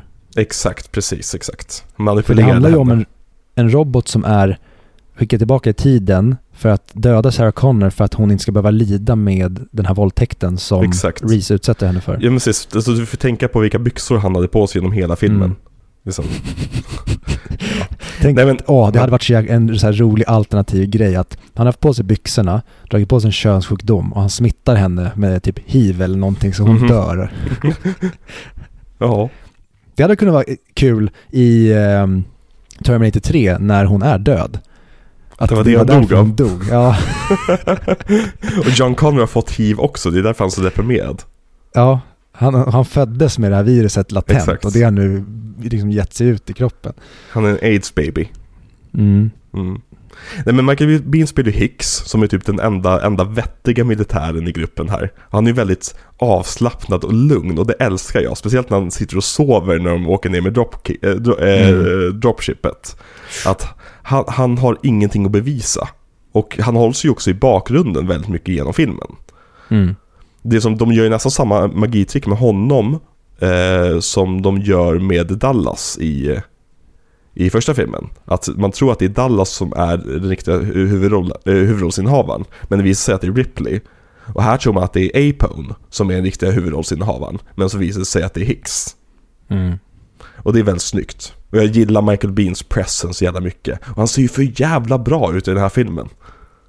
Verkligen, alltså han är en eh, gorgeous eh, dude och jag tycker väldigt mycket om att han inte ens från början skulle få vara med i filmen utan det var James Remar som skulle spela Hicks Exakt. och att de till och med han spelar in scener och det finns kvar. Mm. Han är med i filmen men det är då han scener med honom bakifrån för de hade spelat in ganska tunga effektshot med Precis. James Remar som Hicks men sen så då fick han kicken över att eh, han hade lite problem med eh, droger och eh, auktoritet eh, och sånt Ja. jag. Det finns en anekdot när han, de, de hade ju vapen och de hade ju blanks i sig. Men eh, blanks är inte ofarliga på något sätt utan det är ju fortfarande Nej. riktiga som skott till viss del. Och eh, James Remar råkade ju skjuta genom en av väggarna så att det sköts in på eh, inspelningen av Little Shop of Horrors som inspelade sig i väggen bredvid. Mm. Som Frank Oz regisserade. Exakt, och det var då han, han blev träffad i ansiktet och det var efter det han började se ut som en grön liten kortväxt eh, utomjording, Frankos. Mm. Ja, för första gången Yoda är med, då eh, låter han ju helt normal. Han har inte gjort om rösten. Och sen Exakt. efter det här skedde, då pratar han jättekonstigt med jättekonstig meningsuppbyggnad. Men eh, det, vi pratar om det en annan gång. Den konstiga rösten kom ju med i Special Edition. Ja, Exakt. Kunde om någon faktiskt skulle tro på det där. Och så blir det så här sko, skolgårdsrykte. Ja. Åh, fy fan vad jag saknar skolgårdsrykten. Ja, verkligen. Man kunde inte kolla upp om det var sant. Det var bara, ja, en snubbe i min klass har sagt det. Jag minns ett om att eh, Jamie Lee Curtis var född som man. Jaha. Ja, att hon är hermafrodit typ. Hmm. Anywho. Eh, Michael Bean, ja men sagt, vi kommer prata om honom nästa vecka också. Då är det lite mer intressant roll kanske. Men eh, jag gillar kontrasten mellan den här veckan och förra veckan. Där han fick spela liksom övertänd hela tiden. Och här Mm. ser han verkligen motsatsen till det. Han är liksom undertänd hela tiden. Så han är riktig jävla stjärna i den här filmen. Ja, och jag hade faktiskt glömt att han överlevde. Mm. Jag fick för mig, och det är bara för att jag tyvärr har Aliens 3, eller Alien 3 i huvudet, där Mm. alla är döda helt plötsligt. Men jag fick, jag fick för mig att Bishop eh, och det verkligen bara var Newt och Ellen som klarade sig. Mm. Mm. Det kan att hon heter Ellen. Ja, vilket inte existerar förrän i den här. Är det så? Ja, eh, jag, jag kan, det kan säkert stå någonstans men de Ja. säger aldrig Ellen i Alien. Då är det bara deras eh, efternamn eller Ja, precis. artistnamn, vilket det Ja. mer känns som. Ja. Ja, Ripley är så ett jävla bra namn. Det är så bra att säga i en film också. Ripley. Men alla, alla namn, d- okej alla kanske inte är klockrena rakt igenom, eller det, det är inget fel på vad alla heter i den här filmen, men framförallt i ettan då när de börjar med att de heter Ash, eh, Dallas, Ripley, det, åh, det är så Mm. jäkla bra älskar de namnen. Verkligen, nej men jag håller med. Men så har vi också Lance Henriksen som återvänder igen. Eh, och han spelar ju då eh, Andreeden Bishop. Bästa namnet. Mm. Och jag tycker också att det är väldigt, han gör det väldigt bra. Han, han är otroligt bra på att spela den här stela androiden som också försöker vara som nästan överkompenserande snäll. När han upptäcker att Ripley har ett trauma med androider. Så försöker han liksom hela tiden bara vara vänlig och ta ner situationen med Ripley. Mm. Och det hade ju lika gärna kunnat få henne att bli mer paranoid. Att hon Mm. känner att nu försöker den här snubben vara inställsam. När Ash var precis motsatsen. Han var den douchigaste jävla programmerade AIn ever. Precis. Jag tycker eh, att eh, Lance Henriksen, han gör lite det som jag tycker Phoenix gör med Joker. Att vi har en superprestation, nu är inte det samma roll, men Mm. att då Ian Holm gör en superprestation i Ash och sen så kommer han in och typ trumfar honom i det här. Och lite så känner jag med Phoenix och Ledger också att du borde inte ha tagit dig an det här, eller vem Ja. som än skulle ha tagit sig an det här skulle misslyckats, men han gör det så otroligt bra. Ja, nej men det är... Ja, det finns många kandidater till MVP i den här filmen, kan man säga. Mhm. Det, och jag, jag gillar verkligen bara scenen när, när Bishop ska ta sig igenom det där jävla röret. Alltså jag får ju klaustrofobi varje gång jag ser det. Och så tänker jag så här, nej men det, det är ingen fara, fan det, han, han är ju en robot, han har ingen klaustrofobi. Så inser jag att nyss de måste ju spela in det i verkliga livet också ja. Han, han måste ju faktiskt lägga sig i det, i det där jävla röret. Ja, fy fan. Det är... Ja, så, sånt, tajt, tajta utrymmen, det, det ger mig the creeps. Ja, det är för jävligt. Yes. Ehm, vi har eh, Carrie Henn som Newt. Hon är med förutsättningarna eh, MVP tycker jag. Och det Mhm. är inte att hon är bäst, det är för att hon är ett barn och ett barn kan ofta väldigt ofta förstöra en film och tonen. Men hon är verkligen perfekt regisserad rakt igenom. Och Ja. hon känns, alltså här har vi ett barn som har blivit vuxen för att hon har Mm. blivit tvungen att bli vuxen för att hon ska ta hand om sig själv. Och den känns, det känns fortfarande inte som att hon är Leia i Obi-Wan. Det känns inte som en unge som sitter och argumenterar och ska knäppa en vuxen person på näsan utan Eller, hon är ett barn Mm. som bara hela tiden utgår från okej, hur har jag överlevt? Och det är så jag hela tiden kommer prata i den här, men jag är fortfarande rädd och tillbakadragen. Precis. Men, så, ta, jämför med eh, ungen från Jurassic Park 3. Till exempel. Som har ungefär samma roll. Mm. Han som har levt på Dinoön och liksom kan, kan Mm. allting och har liksom upptäckt nu. Men eh, hon, hon känns, som du säger, som ett barn genom hela filmen. Och det är positivt också att hon är så tyst. För hon är ju traumatiserad, liksom. Mm. Eh, men också när hon får liksom hon får vara ett riktigt barn när hon har hjälmen på sig, den är alldeles för stor, ska hon göra en honör liksom för att någon, eller vad hon, alltså hon är så söt i den här rollen. Mm. Hon, hon, hon är så nedtonad och det är inte så mycket med henne. Det är inte att det finns ingen scen där de är typ fångade i, i ett bakhåll och så måste typ eh, Ripley stressat få ur Newt information om en hemlig väg ut som bara hon kan. Och ska hon visa att jo men om jag drar i den här spaken så kommer det här fällas ner som jag har byggt själv faktiskt. Och så kan vi gå upp här så kommer vi i säkerhet. Mm. Som skulle kunna vara i en sån här film med, med, en, med ett sämre manus. Utan det enda, hennes, hennes överlevnad känns verklig. För det känns som att hon bara har liksom kommit undan från en liten och liksom, ja, de inte ser henne ordentligt. Ja men typ, hon är liten och rädd och det, Ja. det räcker. Och hon är inte dum för att hennes rädsla gör att hon kanske hon kanske någon gång får för sig att kusten är klar, men nej. Hon har insett hur jävla farligt det här är och då kommer jag hålla mig här så länge. Och det är så bra att hennes mat är inte på väg att ta slut. Det är inte det det Nej. handlar om, att hon är döende, utan hon är bara är här och typ chillar i det här rummet för att vad fan annars ska hon göra? Mm. Jag tycker också kul hur hon typ är lite så negativt inställd till hela situationen med att de ska rädda henne. Att hon inte riktigt tror på det. Hon är lite så här, jaha, ja ni säger att ni ska rädda oss men det sa förra personen också liksom. Ja. Att liksom så här, ja nej, vi- jag går väl med det liksom men vi kommer allihopa dö här. Mm. Nej hon är jätteduktig. Hon, och hon skådespelade ju inte igen efter det här. Hon blev ju lärare. Nice. Mm. Det är bra. Ja, men det tycker jag, barnskådespel, jag tycker, alltså barnskådespel, det finns ju någonting väldigt explorativt där. Eh, med barnskådespelare och de har ju sällan bra liv. Så jag blir väldigt glad när jag ser en barnskådespelare göra en roll och sen aldrig mer skådespela. För det betyder att de antagligen bara fick en positiv upplevelse från den. I slutändan. Mm. Ja, ja verkligen. Vi kastar jättemycket grejer med barn och jag får sån klump i magen varje gång man det kommer in ett barn med sin förälder och man förstår inte, vad gör du här lilla pojke, lilla flicka? Mm. Men föräldern är så här, de älskar det här. Mm. Det här är det bästa de vet. Så kommer man ner och så ska man provfilma med dem om man är själv. Man förstår att du har ju ingen lust att vara här. Det är ju någon som tvingar dig till det här för att den kanske upp, vill uppleva sina drömmar genom dig eller hoppas att ja men en dag kommer mitt barn att tacka mig för att den blev missbrukare för att den var så jäkla duktig i de här grejerna men sen mådde pisspsykiskt för att den var barnarbetare. Mm. Det är, det är obehagligt att bevittna. Eh, så har vi då Bill Paxton som Hudson och han har vi då pratat lite grann om vad vi tycker om. Eh, jag skulle säga att han är filmens LVP. Men jag tycker fortfarande, jag stör mig inte lika mycket på honom som dig. Jag är lite mer förlåtande låter det som. Att det är så här, ja, jag stör mig, men jag känner lite grann att det, det är en del av, av grejen för mig. Att man ska störa sig på honom. Och då är det så här, ja, då tycker jag han funkar bra för det han, han blev castad som.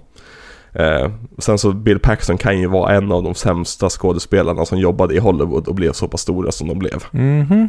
Jag tycker han, han är så här person man ser rakt igenom. 100%. Ja, Men jag gillar också att hans karaktär får det här ögonblicket när han får rädda Newt från facehuggen. Ja, alltså absolut. Det är, det är som att säga, ja, men han, han, han våldtog en person men han tog ju faktiskt bort det här tuggummit från hennes sko också. Ja, så du hatar honom misstänker jag. Ja, jag tycker tyvärr att han är jätte, jätte, eller så här, han är jätte, jätte dålig. Han förstör verkligen, som jag sa, han förstör en perfekt film. Det är Mm. det är så jag känner. Han, han sabbar i varje scen han är med i i princip. Mm, då så. Då hoppar vi över Bill Paxton just nu. Vi kommer, vi kommer få återkomma till honom också. Kanske det. Kanske det. Och sen har vi Paul Reiser som spelar Burke. Och jag måste säga att jag älskar Paul Reiser som Burke.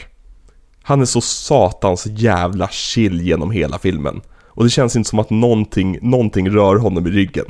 Nej, han är, han är så jäkla bra som den här antagonisten vi inte vet är antagonisten. Han befinner sig i bakgrunden och bara ser hur hans marionettdockor gör det han vill att de ska göra tills det, han till slut har målat in sig i ett hörn. Ja, och han som går runt i den här jävla typ eh, västjackan liksom. Och liksom är, är, är bara, han, han ser ut som att han är på ett company retreat liksom. Att han håller på Mm. liksom det är nästan, nu fanns inte smartphones på den här tiden, men hade smartphones funnits så hade han gått runt och kollat ner telefonen genom hela resan. Ja, Alltså det, han, är så obrydd, jag tycker han gör sådana bra val i den här filmen verkligen. Och även när han liksom blir konfronterad av Ridley så är det som, det är bara under några sekunder som han tänder till. Och sen går han tillbaka till sitt kontrollerade jag. För han Mm. måste ju inse att han måste fortsätta manipulera henne. Oavsett om hon vet att hon, han gör det, så måste han fortsätta med akten på ett sätt. mm. och han är den perfekta mansplainar Mm, karaktären i form av att han underskattar Ripley och så och det grövsta. Och sen Ja, får han det i arslet. ja. Och vi har ju sett honom nyligen i eh, Whiplash. Ja, han är pappan va? Exakt, han spelar Miles Teller pappa. Det är ju Miles. Teller va? Mm. Miles Teller är med i allt så det är bara att Ja. säga. Exakt. Eh, men han var ju med i Stranger Things nu i somras också. Eh, Mhm. Och spelade en, en doktor. Och även i The Boys, där han spelade The Legend. Jaha, Det var han eh, agentkillen som de gick till för att hitta Soldier Boy. Okej. Ja, det hade jag ingen aning om. Ja, nej. Men Paul Reiser, jag tycker han, han är alltid bra när han dyker upp. Och han är ju så här karaktärsskådespelare som dyker upp i som random 80-talsfilmer hela tiden. Eh, jag tror, vad heter det, Beverly Hills Cop heter filmen va? Mm. Du, du, du. Nej, det är Popcorn. hur, hur, hur, går, hur, hur går den? Just du, Bang, Ring, bang. ring. Exakt, åh gud. Crazy Frog, att det blev en grej. Att, alltså, det är verkligen, det är en snubbe som gör en, en väldigt snyggt animerad video för att vara 2001. Eh, lägger på en, en, en, när han härmar en, vad är det, en fyrtaktsmotor. Och sen så blir det typ världens största sensation där typ ett, där, vad heter de, Tanga, Janga, Jenga Ja, köpte något upp sånt där. Köpte upp rättigheterna och bara pumpade ut ringsignaler och skivor. Där det enda grejen var att den här personen, den här grodan då skulle sjunga låtarna. Eller det var inte ens att han sjöng låtarna, det var bara att han lade till däng, däng efter typ fraser. Ja men sen hade han ju också typ verser där han sa såhär. Bra, bra. Ja, det är så konstigt. Det är så konstigt. Det, det är Ja, det så otroligt märklig popkulturell artefakt som man inte kan förklara riktigt. Det måste vara en av de första internetmemesen typ. Ja, ja, def- det är väldigt, väldigt tidigt. Alltså det här är innan YouTube. Det här var ju en video som, som skickades till varandra. Jo, alltså jag såg den, jag minns att jag såg den hemma hos min vän som jag kände i som mellanstadiet. Så det här är ju som, det är jättegammalt. Ja det är ju sjukt. Ja. Hur fan kom vi in på det här? Eh, Axel Foley. Just, Just det. Och han kommer ju vara med i uppföljaren som kommer nästa år. Eh, Kul. Snuten Hollywood. Jag har aldrig sett en Snuten Hollywood-film. Det var riktigt, riktigt charmiga. Ja, men det kan jag tänka mig. Jag ska nog se igenom alla inför, inför nya. Mm, det Mm. tycker jag absolut. Och nu när vi pratar om Eddie Murphy blir jag jävligt taggad på att se om Dolomite. Ja, då- åh, den var så härlig. Det var precis Mm. den film jag ville att det skulle vara. Ja, den fick eh, på tok för lite praise tycker jag. Det Ja. var många som, en del som hyllade den och den blev ändå recognized men eh, de, många tror jag inte såg den för att de trodde att det skulle vara en annan film. Alltså jag tycker ju att eh, Wesley Snipes borde ha blivit Oscarsnominerad för den filmen. Han var briljant i den filmen. Jag har aldrig sett honom vara så rolig. Nej. Ja. Eh, Men om vi går vidare på castlisten så har vi då William Hope som Gorman som spelar då den här eh, sergeanten eller löjtnanten, nu kan jag inte militär rank, men han som bestämmer allting, som är väldigt oerfaren. Eh, vad tycker du om honom i filmen? Eh, He, alltså helt okej. Han, han Mm. gör det han ska. Han, eh, han balanserar ibland på lite överspel. Mm. Men jag tycker aldrig han faller dit. Jag tycker det är väldigt kul att se hur han hanteras och behövs släpas med. Och sen, Exakt. jag tycker han, han ändå får ett ganska bra hero moment när de dör.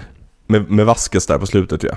Ja, Ja, det är också, det är också Vasquez typ bästa ögonblick när hon sätter liksom foten mot alien-huvudet och bara pumpar sin, sin pistol liksom. ja. Eh, det, det är jävligt häftig, alltså action i den här filmen är makalös.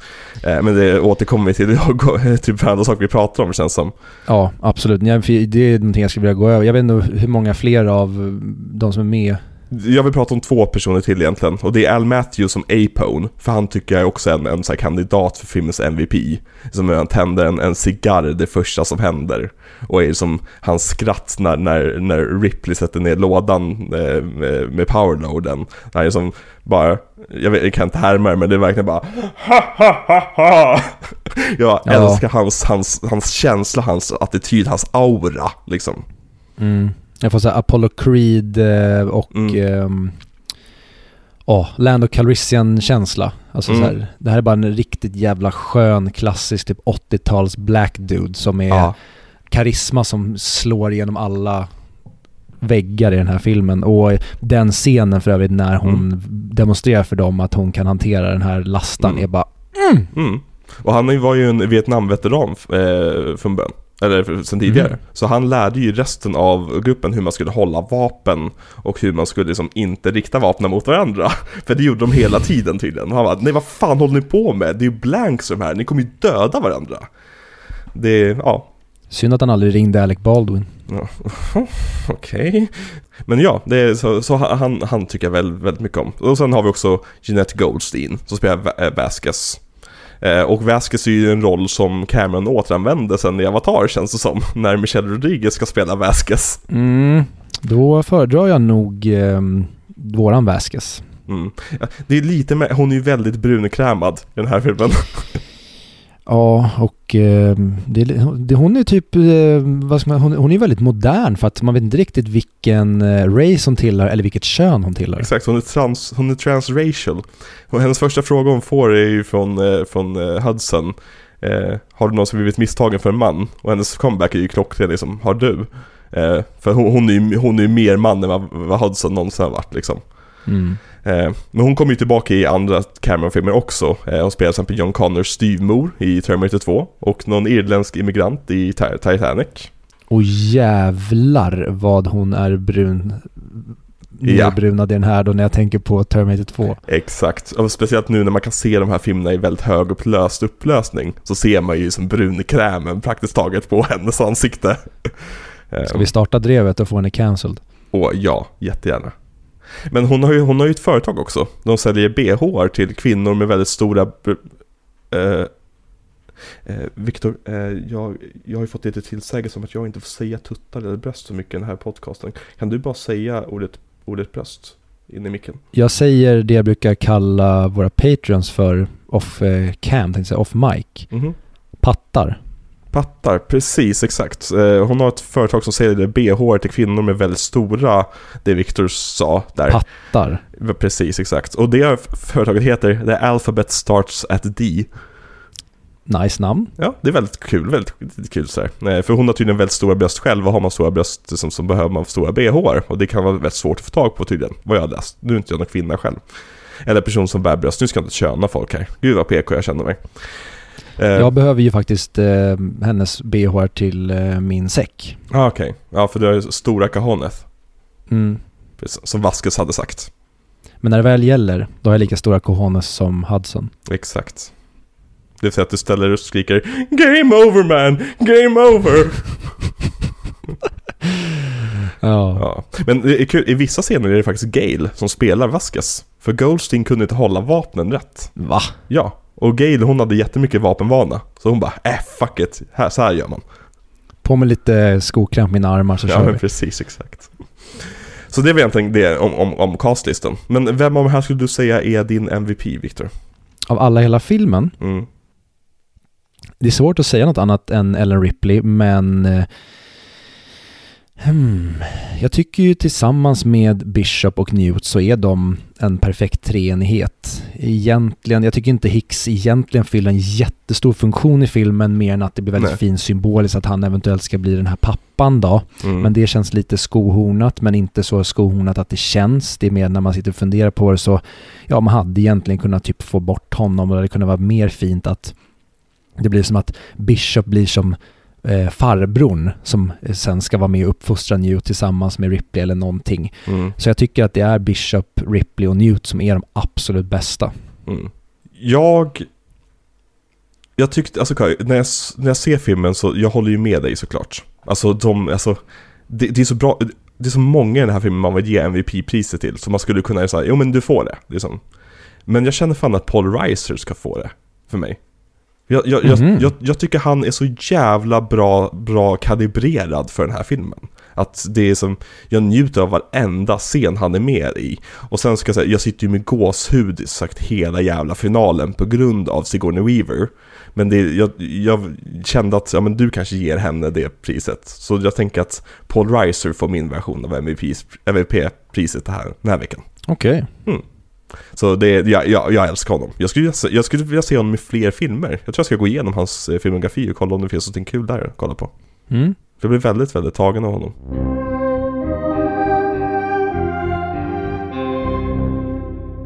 Ska vi prata om musiken på den här filmen? Absolut. Eh, vad tycker du om musiken? Jätte, jättebra. Alltså ta verkligen första filmens score och eh, gör någonting med det och sen lägger de på väldigt bra action-element. James, eh, James Cameron och James Horner. Rip in peace. Ja, Rip in Peace tydligen. Det fick jag chock, chockerande nog nyheten om nu idag eh, från Victor. Och det är typ en av mina favoritkompositörer. Eh, hans score till Casper-filmen är Out of this fucking world. Åh, shit. Men han har också gjort ett av de bästa scoren som har ett av de sämsta soundsen någonsin. Eh, men det kommer vi prata om om några veckor. Men Kanske. de lärde känna varandra under Corman-dagarna. För han, eh, Ho- Horner jobbade för Corman också. Eh, och Horner trodde att han skulle få sex veckor på sig att scora filmen. Men dök upp på inspelningsplatsen och fick höra att han hade fått eh, tre veckor på sig. Och att det knappt fanns någon film att komponera till. Ja, och lyckas ändå ro det här Ja. i hamn. Väldigt bra. Han, han, han gjorde ju sitt absolut bästa, uppenbarligen. Eh, han spelade in ett score. Det scoret tyckte inte Cameron om. Eh, så Cameron satt själv och klippte ihop favoritbitarna från det här scoret tillsammans med musik från ettan. Och sen anställde andra kompositörer som är anonyma för att fylla igen resten. Och bitar av det som användes, eller som inte användes av James Horners score återanvändes i Die Hard istället. Jaha. Mm. Så egentligen är det Cameron som är liksom slutkompositören om man säger så, av den här filmen. Kul. Så, har, har jag berättat att Cameron har ett kontrollbehov? Nej, vi kanske ska prata om det i något avsnitt. Ja, men ka- kanske, kanske det. Jag tycker att scoret är helt perfekt för vad det ska göra. Det, det som uppar stakesen hela tiden för actionen. Eh, och det, jag älskar när de återanvänder sig av Alien-temat för att knyta tillbaka till första filmen. Och jag, ja, nej, jag tycker det här är ett, ett riktigt jävla fett score. Och det här kommer jag nog lägga in i min egen eh, film-playlist. Bara för att ha och lyssna på när jag typ tränar eller är ute och går eller vad som helst. Eh, vad tycker du jämfört med första filmens score? Jag tycker att det är bättre eller sämre? Sämre. Jag tycker första filmens score är perfection och Ja. bara det här... Du, du, du, du, du, du. Alltså, Mm. det Jag, jag håller med så- dig.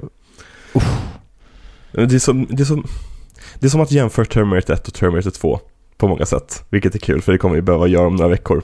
Eh, Mm. Men det är verkligen, de, de filmerna har så jävla mycket som står på egna ben. Och det är så imponerande med en sequel, tycker jag. Mm. Att det är så unikt. Jo men precis, för, för det, det finns både någonting som är väldigt, väldigt imponerande med att du, du är en sequel, att Mm. du lyckas ändå nå upp till den här höjden trots att du ska göra någonting som någon redan har gjort perfekt och Mm. göra någonting nytt med det. Men sen finns det också det som egentligen tar ifrån, det är ju att ja, men du har ju förlagan sedan tidigare och, och stå på. Så det finns både en, en, posit- en, in, en imponerande grej och en grej som tar bort att det är imponerande. De tar inte bort varann, men Mm. båda aspekterna finns där samtidigt för mig. Mm. Och en sak som den här filmen verkligen har- uppat upp jämfört med första filmen, det är ju effekterna. Mhm. För att här har James Cameron, han har slagit på den stora trumman. Den, eh, enligt mig, största trumman som någonsin slagits på. Eh, för det han tänkte var att han, han anställde ett helt nytt team egentligen. Eh, förutom vissa noggrant utvalda personer från första filmen. Som då fick väldigt upphöjda positioner. Eh, vilket är väldigt smart när det kommer till att skapa ett team. För då blir ju chefspositionerna och ledarpositionerna väldigt tydliga i teamet. Samtidigt som de inte får det här att, jo men Ridley gjorde på det här sättet hela tiden.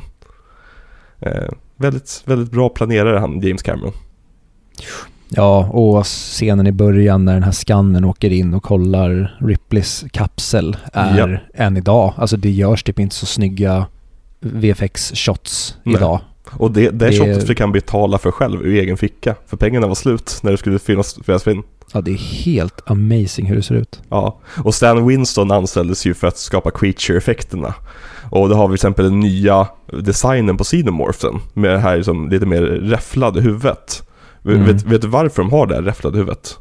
Det är för att de tänkte egentligen att de skulle ha exakt samma liksom dome över huvudet som i första filmen. Men att man skulle Mm. se liksom den här liksom järnstrukturen under eh, domen, bara liksom i visst ljus. Men första dagen de skulle spela in, då hade kåporna gått sönder. Så de var tvungna att bara skrota det. Så det är därför de har den här liksom, nya huvudformen.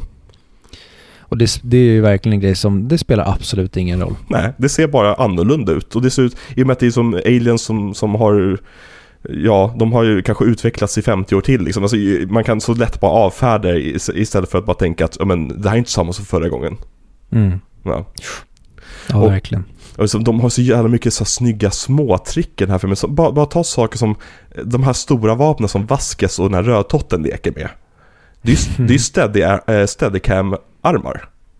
Som de bara Jaha. satt, liksom, satt eh, random grejer på. För att antagligen för att James Cameron såg det på en filminspelning och tyckte att det såg ashäftigt ut liksom. Mm. Ja, Ja. men lite som när vi var små och lekte med saker och bara, ja men det här ser inte ut som det, eller det här ser egentligen ut som Mm. det här. Ja men vad fan, då leker vi den här leken idag. Ja men exakt. Inte dåligt, inte, inte ett jämförbart exempel, men till exempel, kommer ihåg att jag hade som ett litet biljardspel Mm. med köer till. Ja och precis. köerna såg exakt ut och var i samma storlek som trollstavar, så de blev ju perfekta för oss när vi lekte Harry Potter. Exakt, exakt. Det är lite grann så, de, alltså det är så mycket miniatyrer och grejer i den här filmen också. Bara ta, ta, ta marinskeppet som ser ut som ett fucking gevär när det kommer flygandes. Ja, Jag tycker det är ashäftigt. Och bara, eller, okej nu, nu bara gushar jag, men bara POV-kamerorna som de har på sig hela tiden, de kan se vad som händer för marinerna. Alltså det Mm. har ju, alltså bara det att det är sämre bild på de här CRT-monitorerna gör så att det blir läskigare också, för man ser ju inte allting rakt upp och ner. Alltså det, det är som saker och ting kan dölja sig i skuggorna. Och det tycker jag har gått förlorat nu när allt ska vara så högupplöst. Alltså förr i tiden när Ja. folk kollade på en, på en tv-skärm så var det ju som att man såg att de kollade på en tv-skärm. Nu är det som ett till fönster in i världen nästan. Mm. Det är ju jättebra effekt i filmen, men när du börjar tänka på den tekniken de har i den där världen, då blir det väldigt konstigt att kamerorna är så pissiga. Ja, och att, och att Ri- Ripley får röka på ett rymdskepp. Ja, åh, jag bara älskar sådana där Ja, de filmiska detaljer som när du börjar tänka på logiken i vissa grejer, då, då, då faller vissa saker. Men det spelar ingen roll, för det ska vara vad som funkar i filmen där och då. Du ska inte sitta och grubbla på det efterhand. Det är en Mm. experience som du ska rida i. exakt. Jag tycker det är väldigt mycket den här filmen som, tror jag, som jag tror har info, eh, som influerat moderna tv-spel. Som bara tar det här med att de har en, en, en räknare på sidan av vapnet och säger hur många skott du har kvar.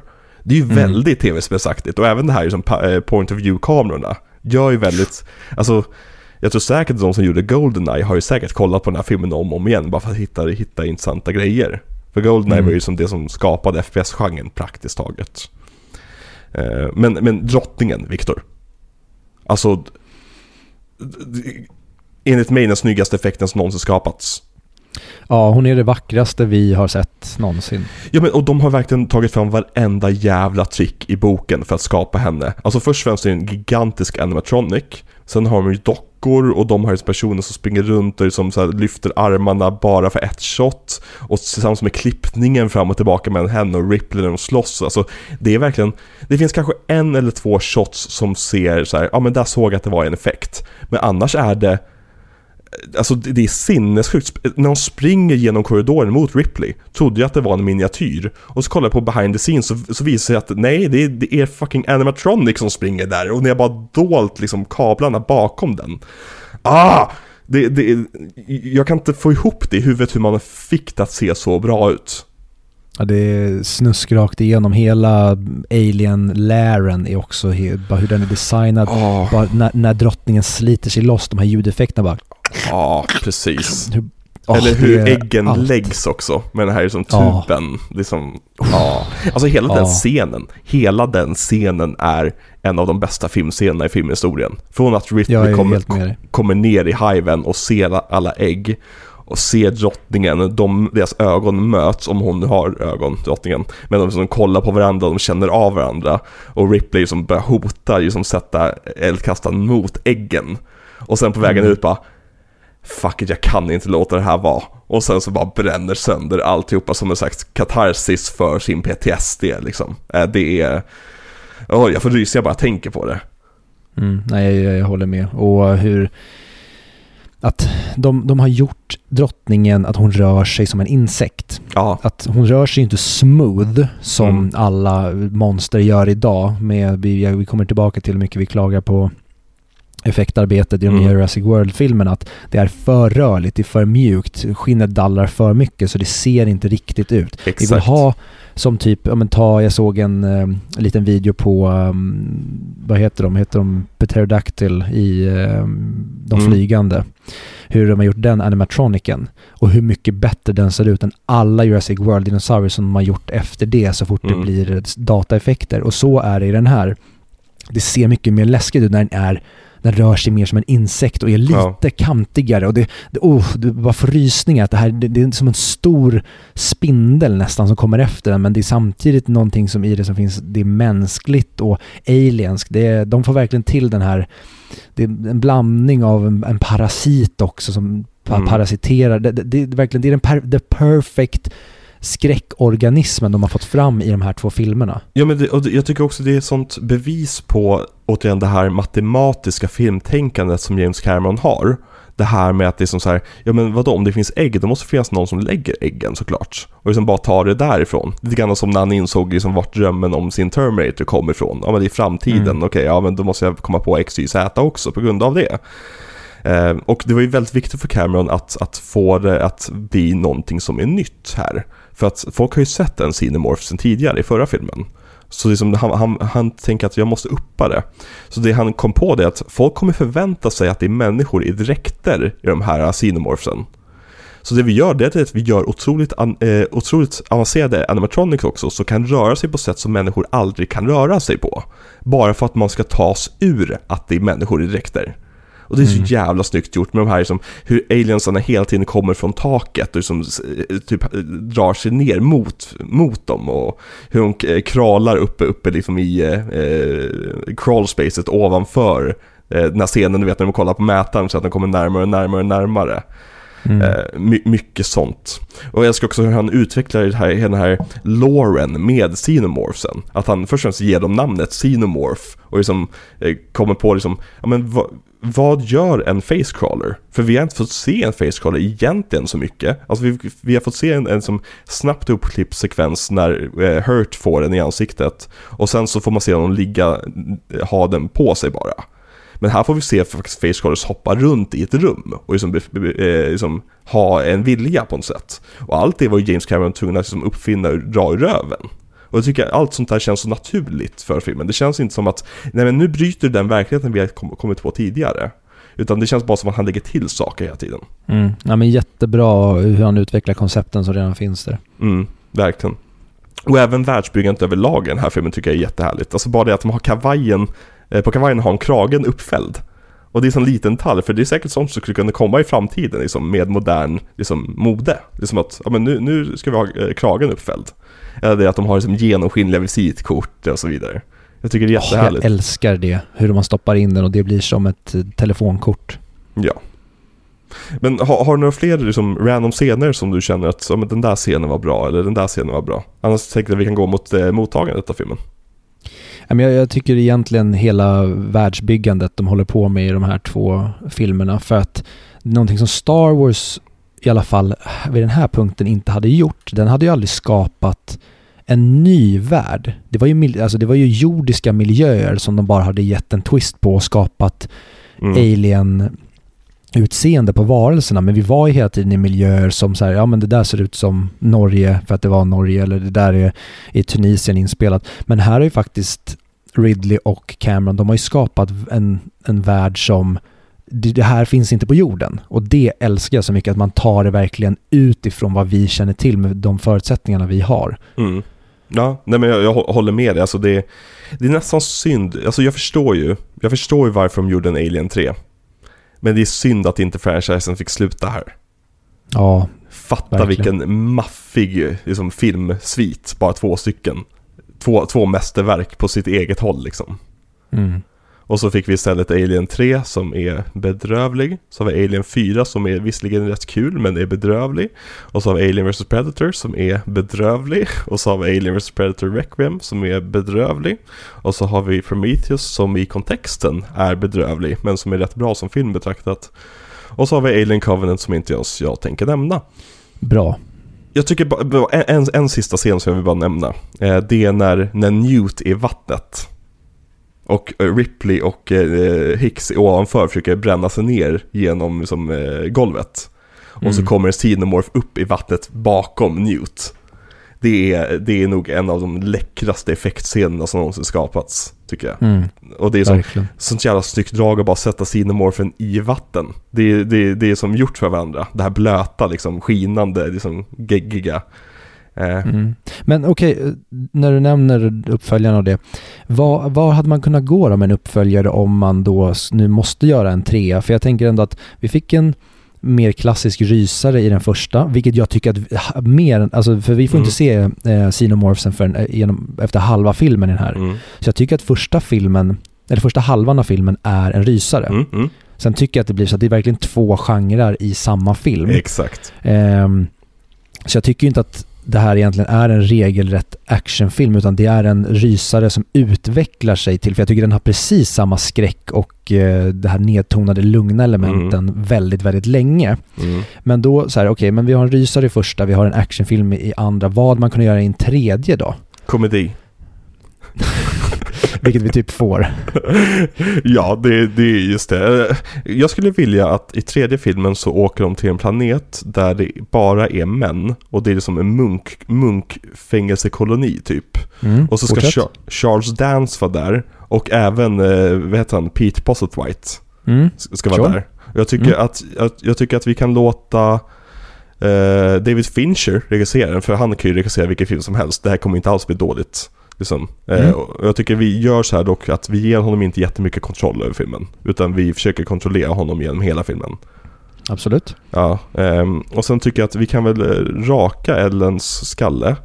Tycker jag. Coolt. Ja, och sen så kan hon dö på slutet genom att hoppa ner i, i lava. Mm. Mm. Ja men absolut. Och då, en så här naturlig uppföljare till det, Mm. det skulle ju kunna vara att det typ i fyran handlar om typ en klon av henne. Ja, fan vad smart. Alltså, du, men, du menar liksom att den här karaktären som vi älskar och känner, att vi bara adderar alla han, hennes karaktär, eller hur? Mm? Ja, att det bara ser ut som Ripley. Exakt. Åh, Ah. shit. Vi tänker likadant du Viktor. Usch, jag får fan mer gåshud när jag ser de här första två filmerna. Och jag, jag tycker Ron Perlman ska vara med. Absolut. Jag vill gärna att han röker cigarr. Går det för Ja. in tror du? Ja, och, och typ, okej, du- han får röka cigarr. Jag ger dig det. Om du ger mig en scen, helst in, introduktionsscen, där han låtsas vara apa. Så att vi tror att den där karaktären tror att han är en apa första gången vi träffar honom. Är det lugnt?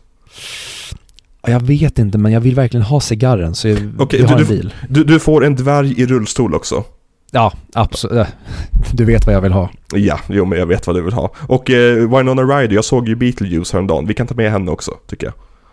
Mm, sure. Hon, hon, kan, hon kan vara en android och så kan hon ha, hon ha en jätteäcklig scen där hon drar iväg en, en leverfläck från sin hals. Och så visar sig att det är hennes uppkopplingsport. Absolut. Ja, toppen. Då är vi överens Viktor. Mm. Bra. Bra, då kan vi gå på mottagandet. Mm. För den här filmen drog in eh, mellan 131 och 181 miljoner dollar. Ingen riktigt vet på grund av att man inte riktigt hade koll på sånt här på den tiden ordentligt i, eh, utanför USA. Men den blev ju en super-mega succé. Alltså det går ju inte som att den här filmen, om man säger så här, om Ridley Scott, om han uppfann filmen Alien, så uppfann Cameron franchisen Alien. Mm, var det det vi ville då? Nej, det kanske inte var det vi ville, men eh, jag tycker inte man kan riktigt blamea Cameron för det heller, för att han gjorde en jävla toppenfilm. Men det är som, den här filmen blev ju alltså, världens största hit. Det var ju lite, alltså folk trodde ju inte på den här filmen återigen. Eh, antagligen på grund av att Cameron var ju som nästan en första gångens regissör. Så som, det, det här var ju en sleeper hit, men den liksom drog ju hem liksom så jävla mycket pengar och blev älskad verkligen. Nice. Ja. Och den blev ju nominerad, konstigt nog, till sju Oscarsnomineringar. Mm, det är nog de f- högsta antalet nomineringar Cameron skulle få i hela sin karriär. Ja, om det inte hade varit för alla hans andra filmer. Jaha, men det vet inte vi än. Nej, just det, just det, just det. Men fatta fatt, men fatta att du kommer in praktiskt taget som en gun for hire på Alien 2. Liksom, först så uppföljer du inte direkt prestigefilmer på den här tiden. Det är, som, det är typ bara Gudfadern och Star Wars som får ge uppföljare där folk faktiskt respekterar filmerna. Du kommer in som gun for hire och det är en, en produktion som är skitjobbig för dig. Ingen gör det du vill göra, ingen tror på dig, alla säger bara att "Ja, men, vem är du, vad är det för skitunge här? Och sen så får du Sigourney Weaver Oscars-nominerad och din film får ju som sex stycken technical Oscars, eller eh, Oscars-nomineringar. Vilken jävla piss, alltså han, han ställer sig och verkligen pissar Pinewood Studios i ansiktet. Mm, Jag tycker det är askul. verkligen. För att filmer som den här fick in, inte nomineringar på den här tiden, på det här sättet. Alltså det är art direction, film editing, det är score, det är sound, sound effects och såklart vann den ju Oscar för best visual effects. Allt annat hade varit sinnessjukt. Nice. Mm. Så det, det är välförtjänt. Och den, den vann ju de. Och de vann också eh, eh, Sound Effects Editing, vilket jag också tycker är välförtjänt. Jättebra ljudredigering i den här filmen. Mm, inte Eh. lika bra som Pirajorna i Piranha, men nästan. Precis. Eh, vad mer ska vi gå? Eh, vi kan ju gå på, på betyg på den här filmen då. Mm? Vad ger du den? 5 av 5. Nej, förlåt. 6 av 5. Ja, det är så. Ja, jag älskar den här filmen. Även saker som jag är kritiska mot så känner jag så här, det rör mig inte i ryggen. Som så här, militärerna. I en sämre film hade det retat skiten på mig. I den här filmen så så här, nej. Det är, det är en del av kulissen, liksom. Ja, okej. Nej, för det är det som får den här filmen att inte bli en 5 av 5 för mig. Jag tycker att det är en 5 av 5 actionfilm, men som film på grund av att de är med för länge och de tar alldeles för mycket plats så blir det tyvärr bara en 4,5 av 5 det här. Mm. Om de hade tagit bort liksom, de flesta scenerna när de är putslustiga, de här militärerna, hade den varit bättre då? Eller hade det behövt Ja, läggas till ja. någonting annat? Nej, nej men precis, det, det, är det att ingenting går att göra bättre. Mm, Det är bara att de drar ner det.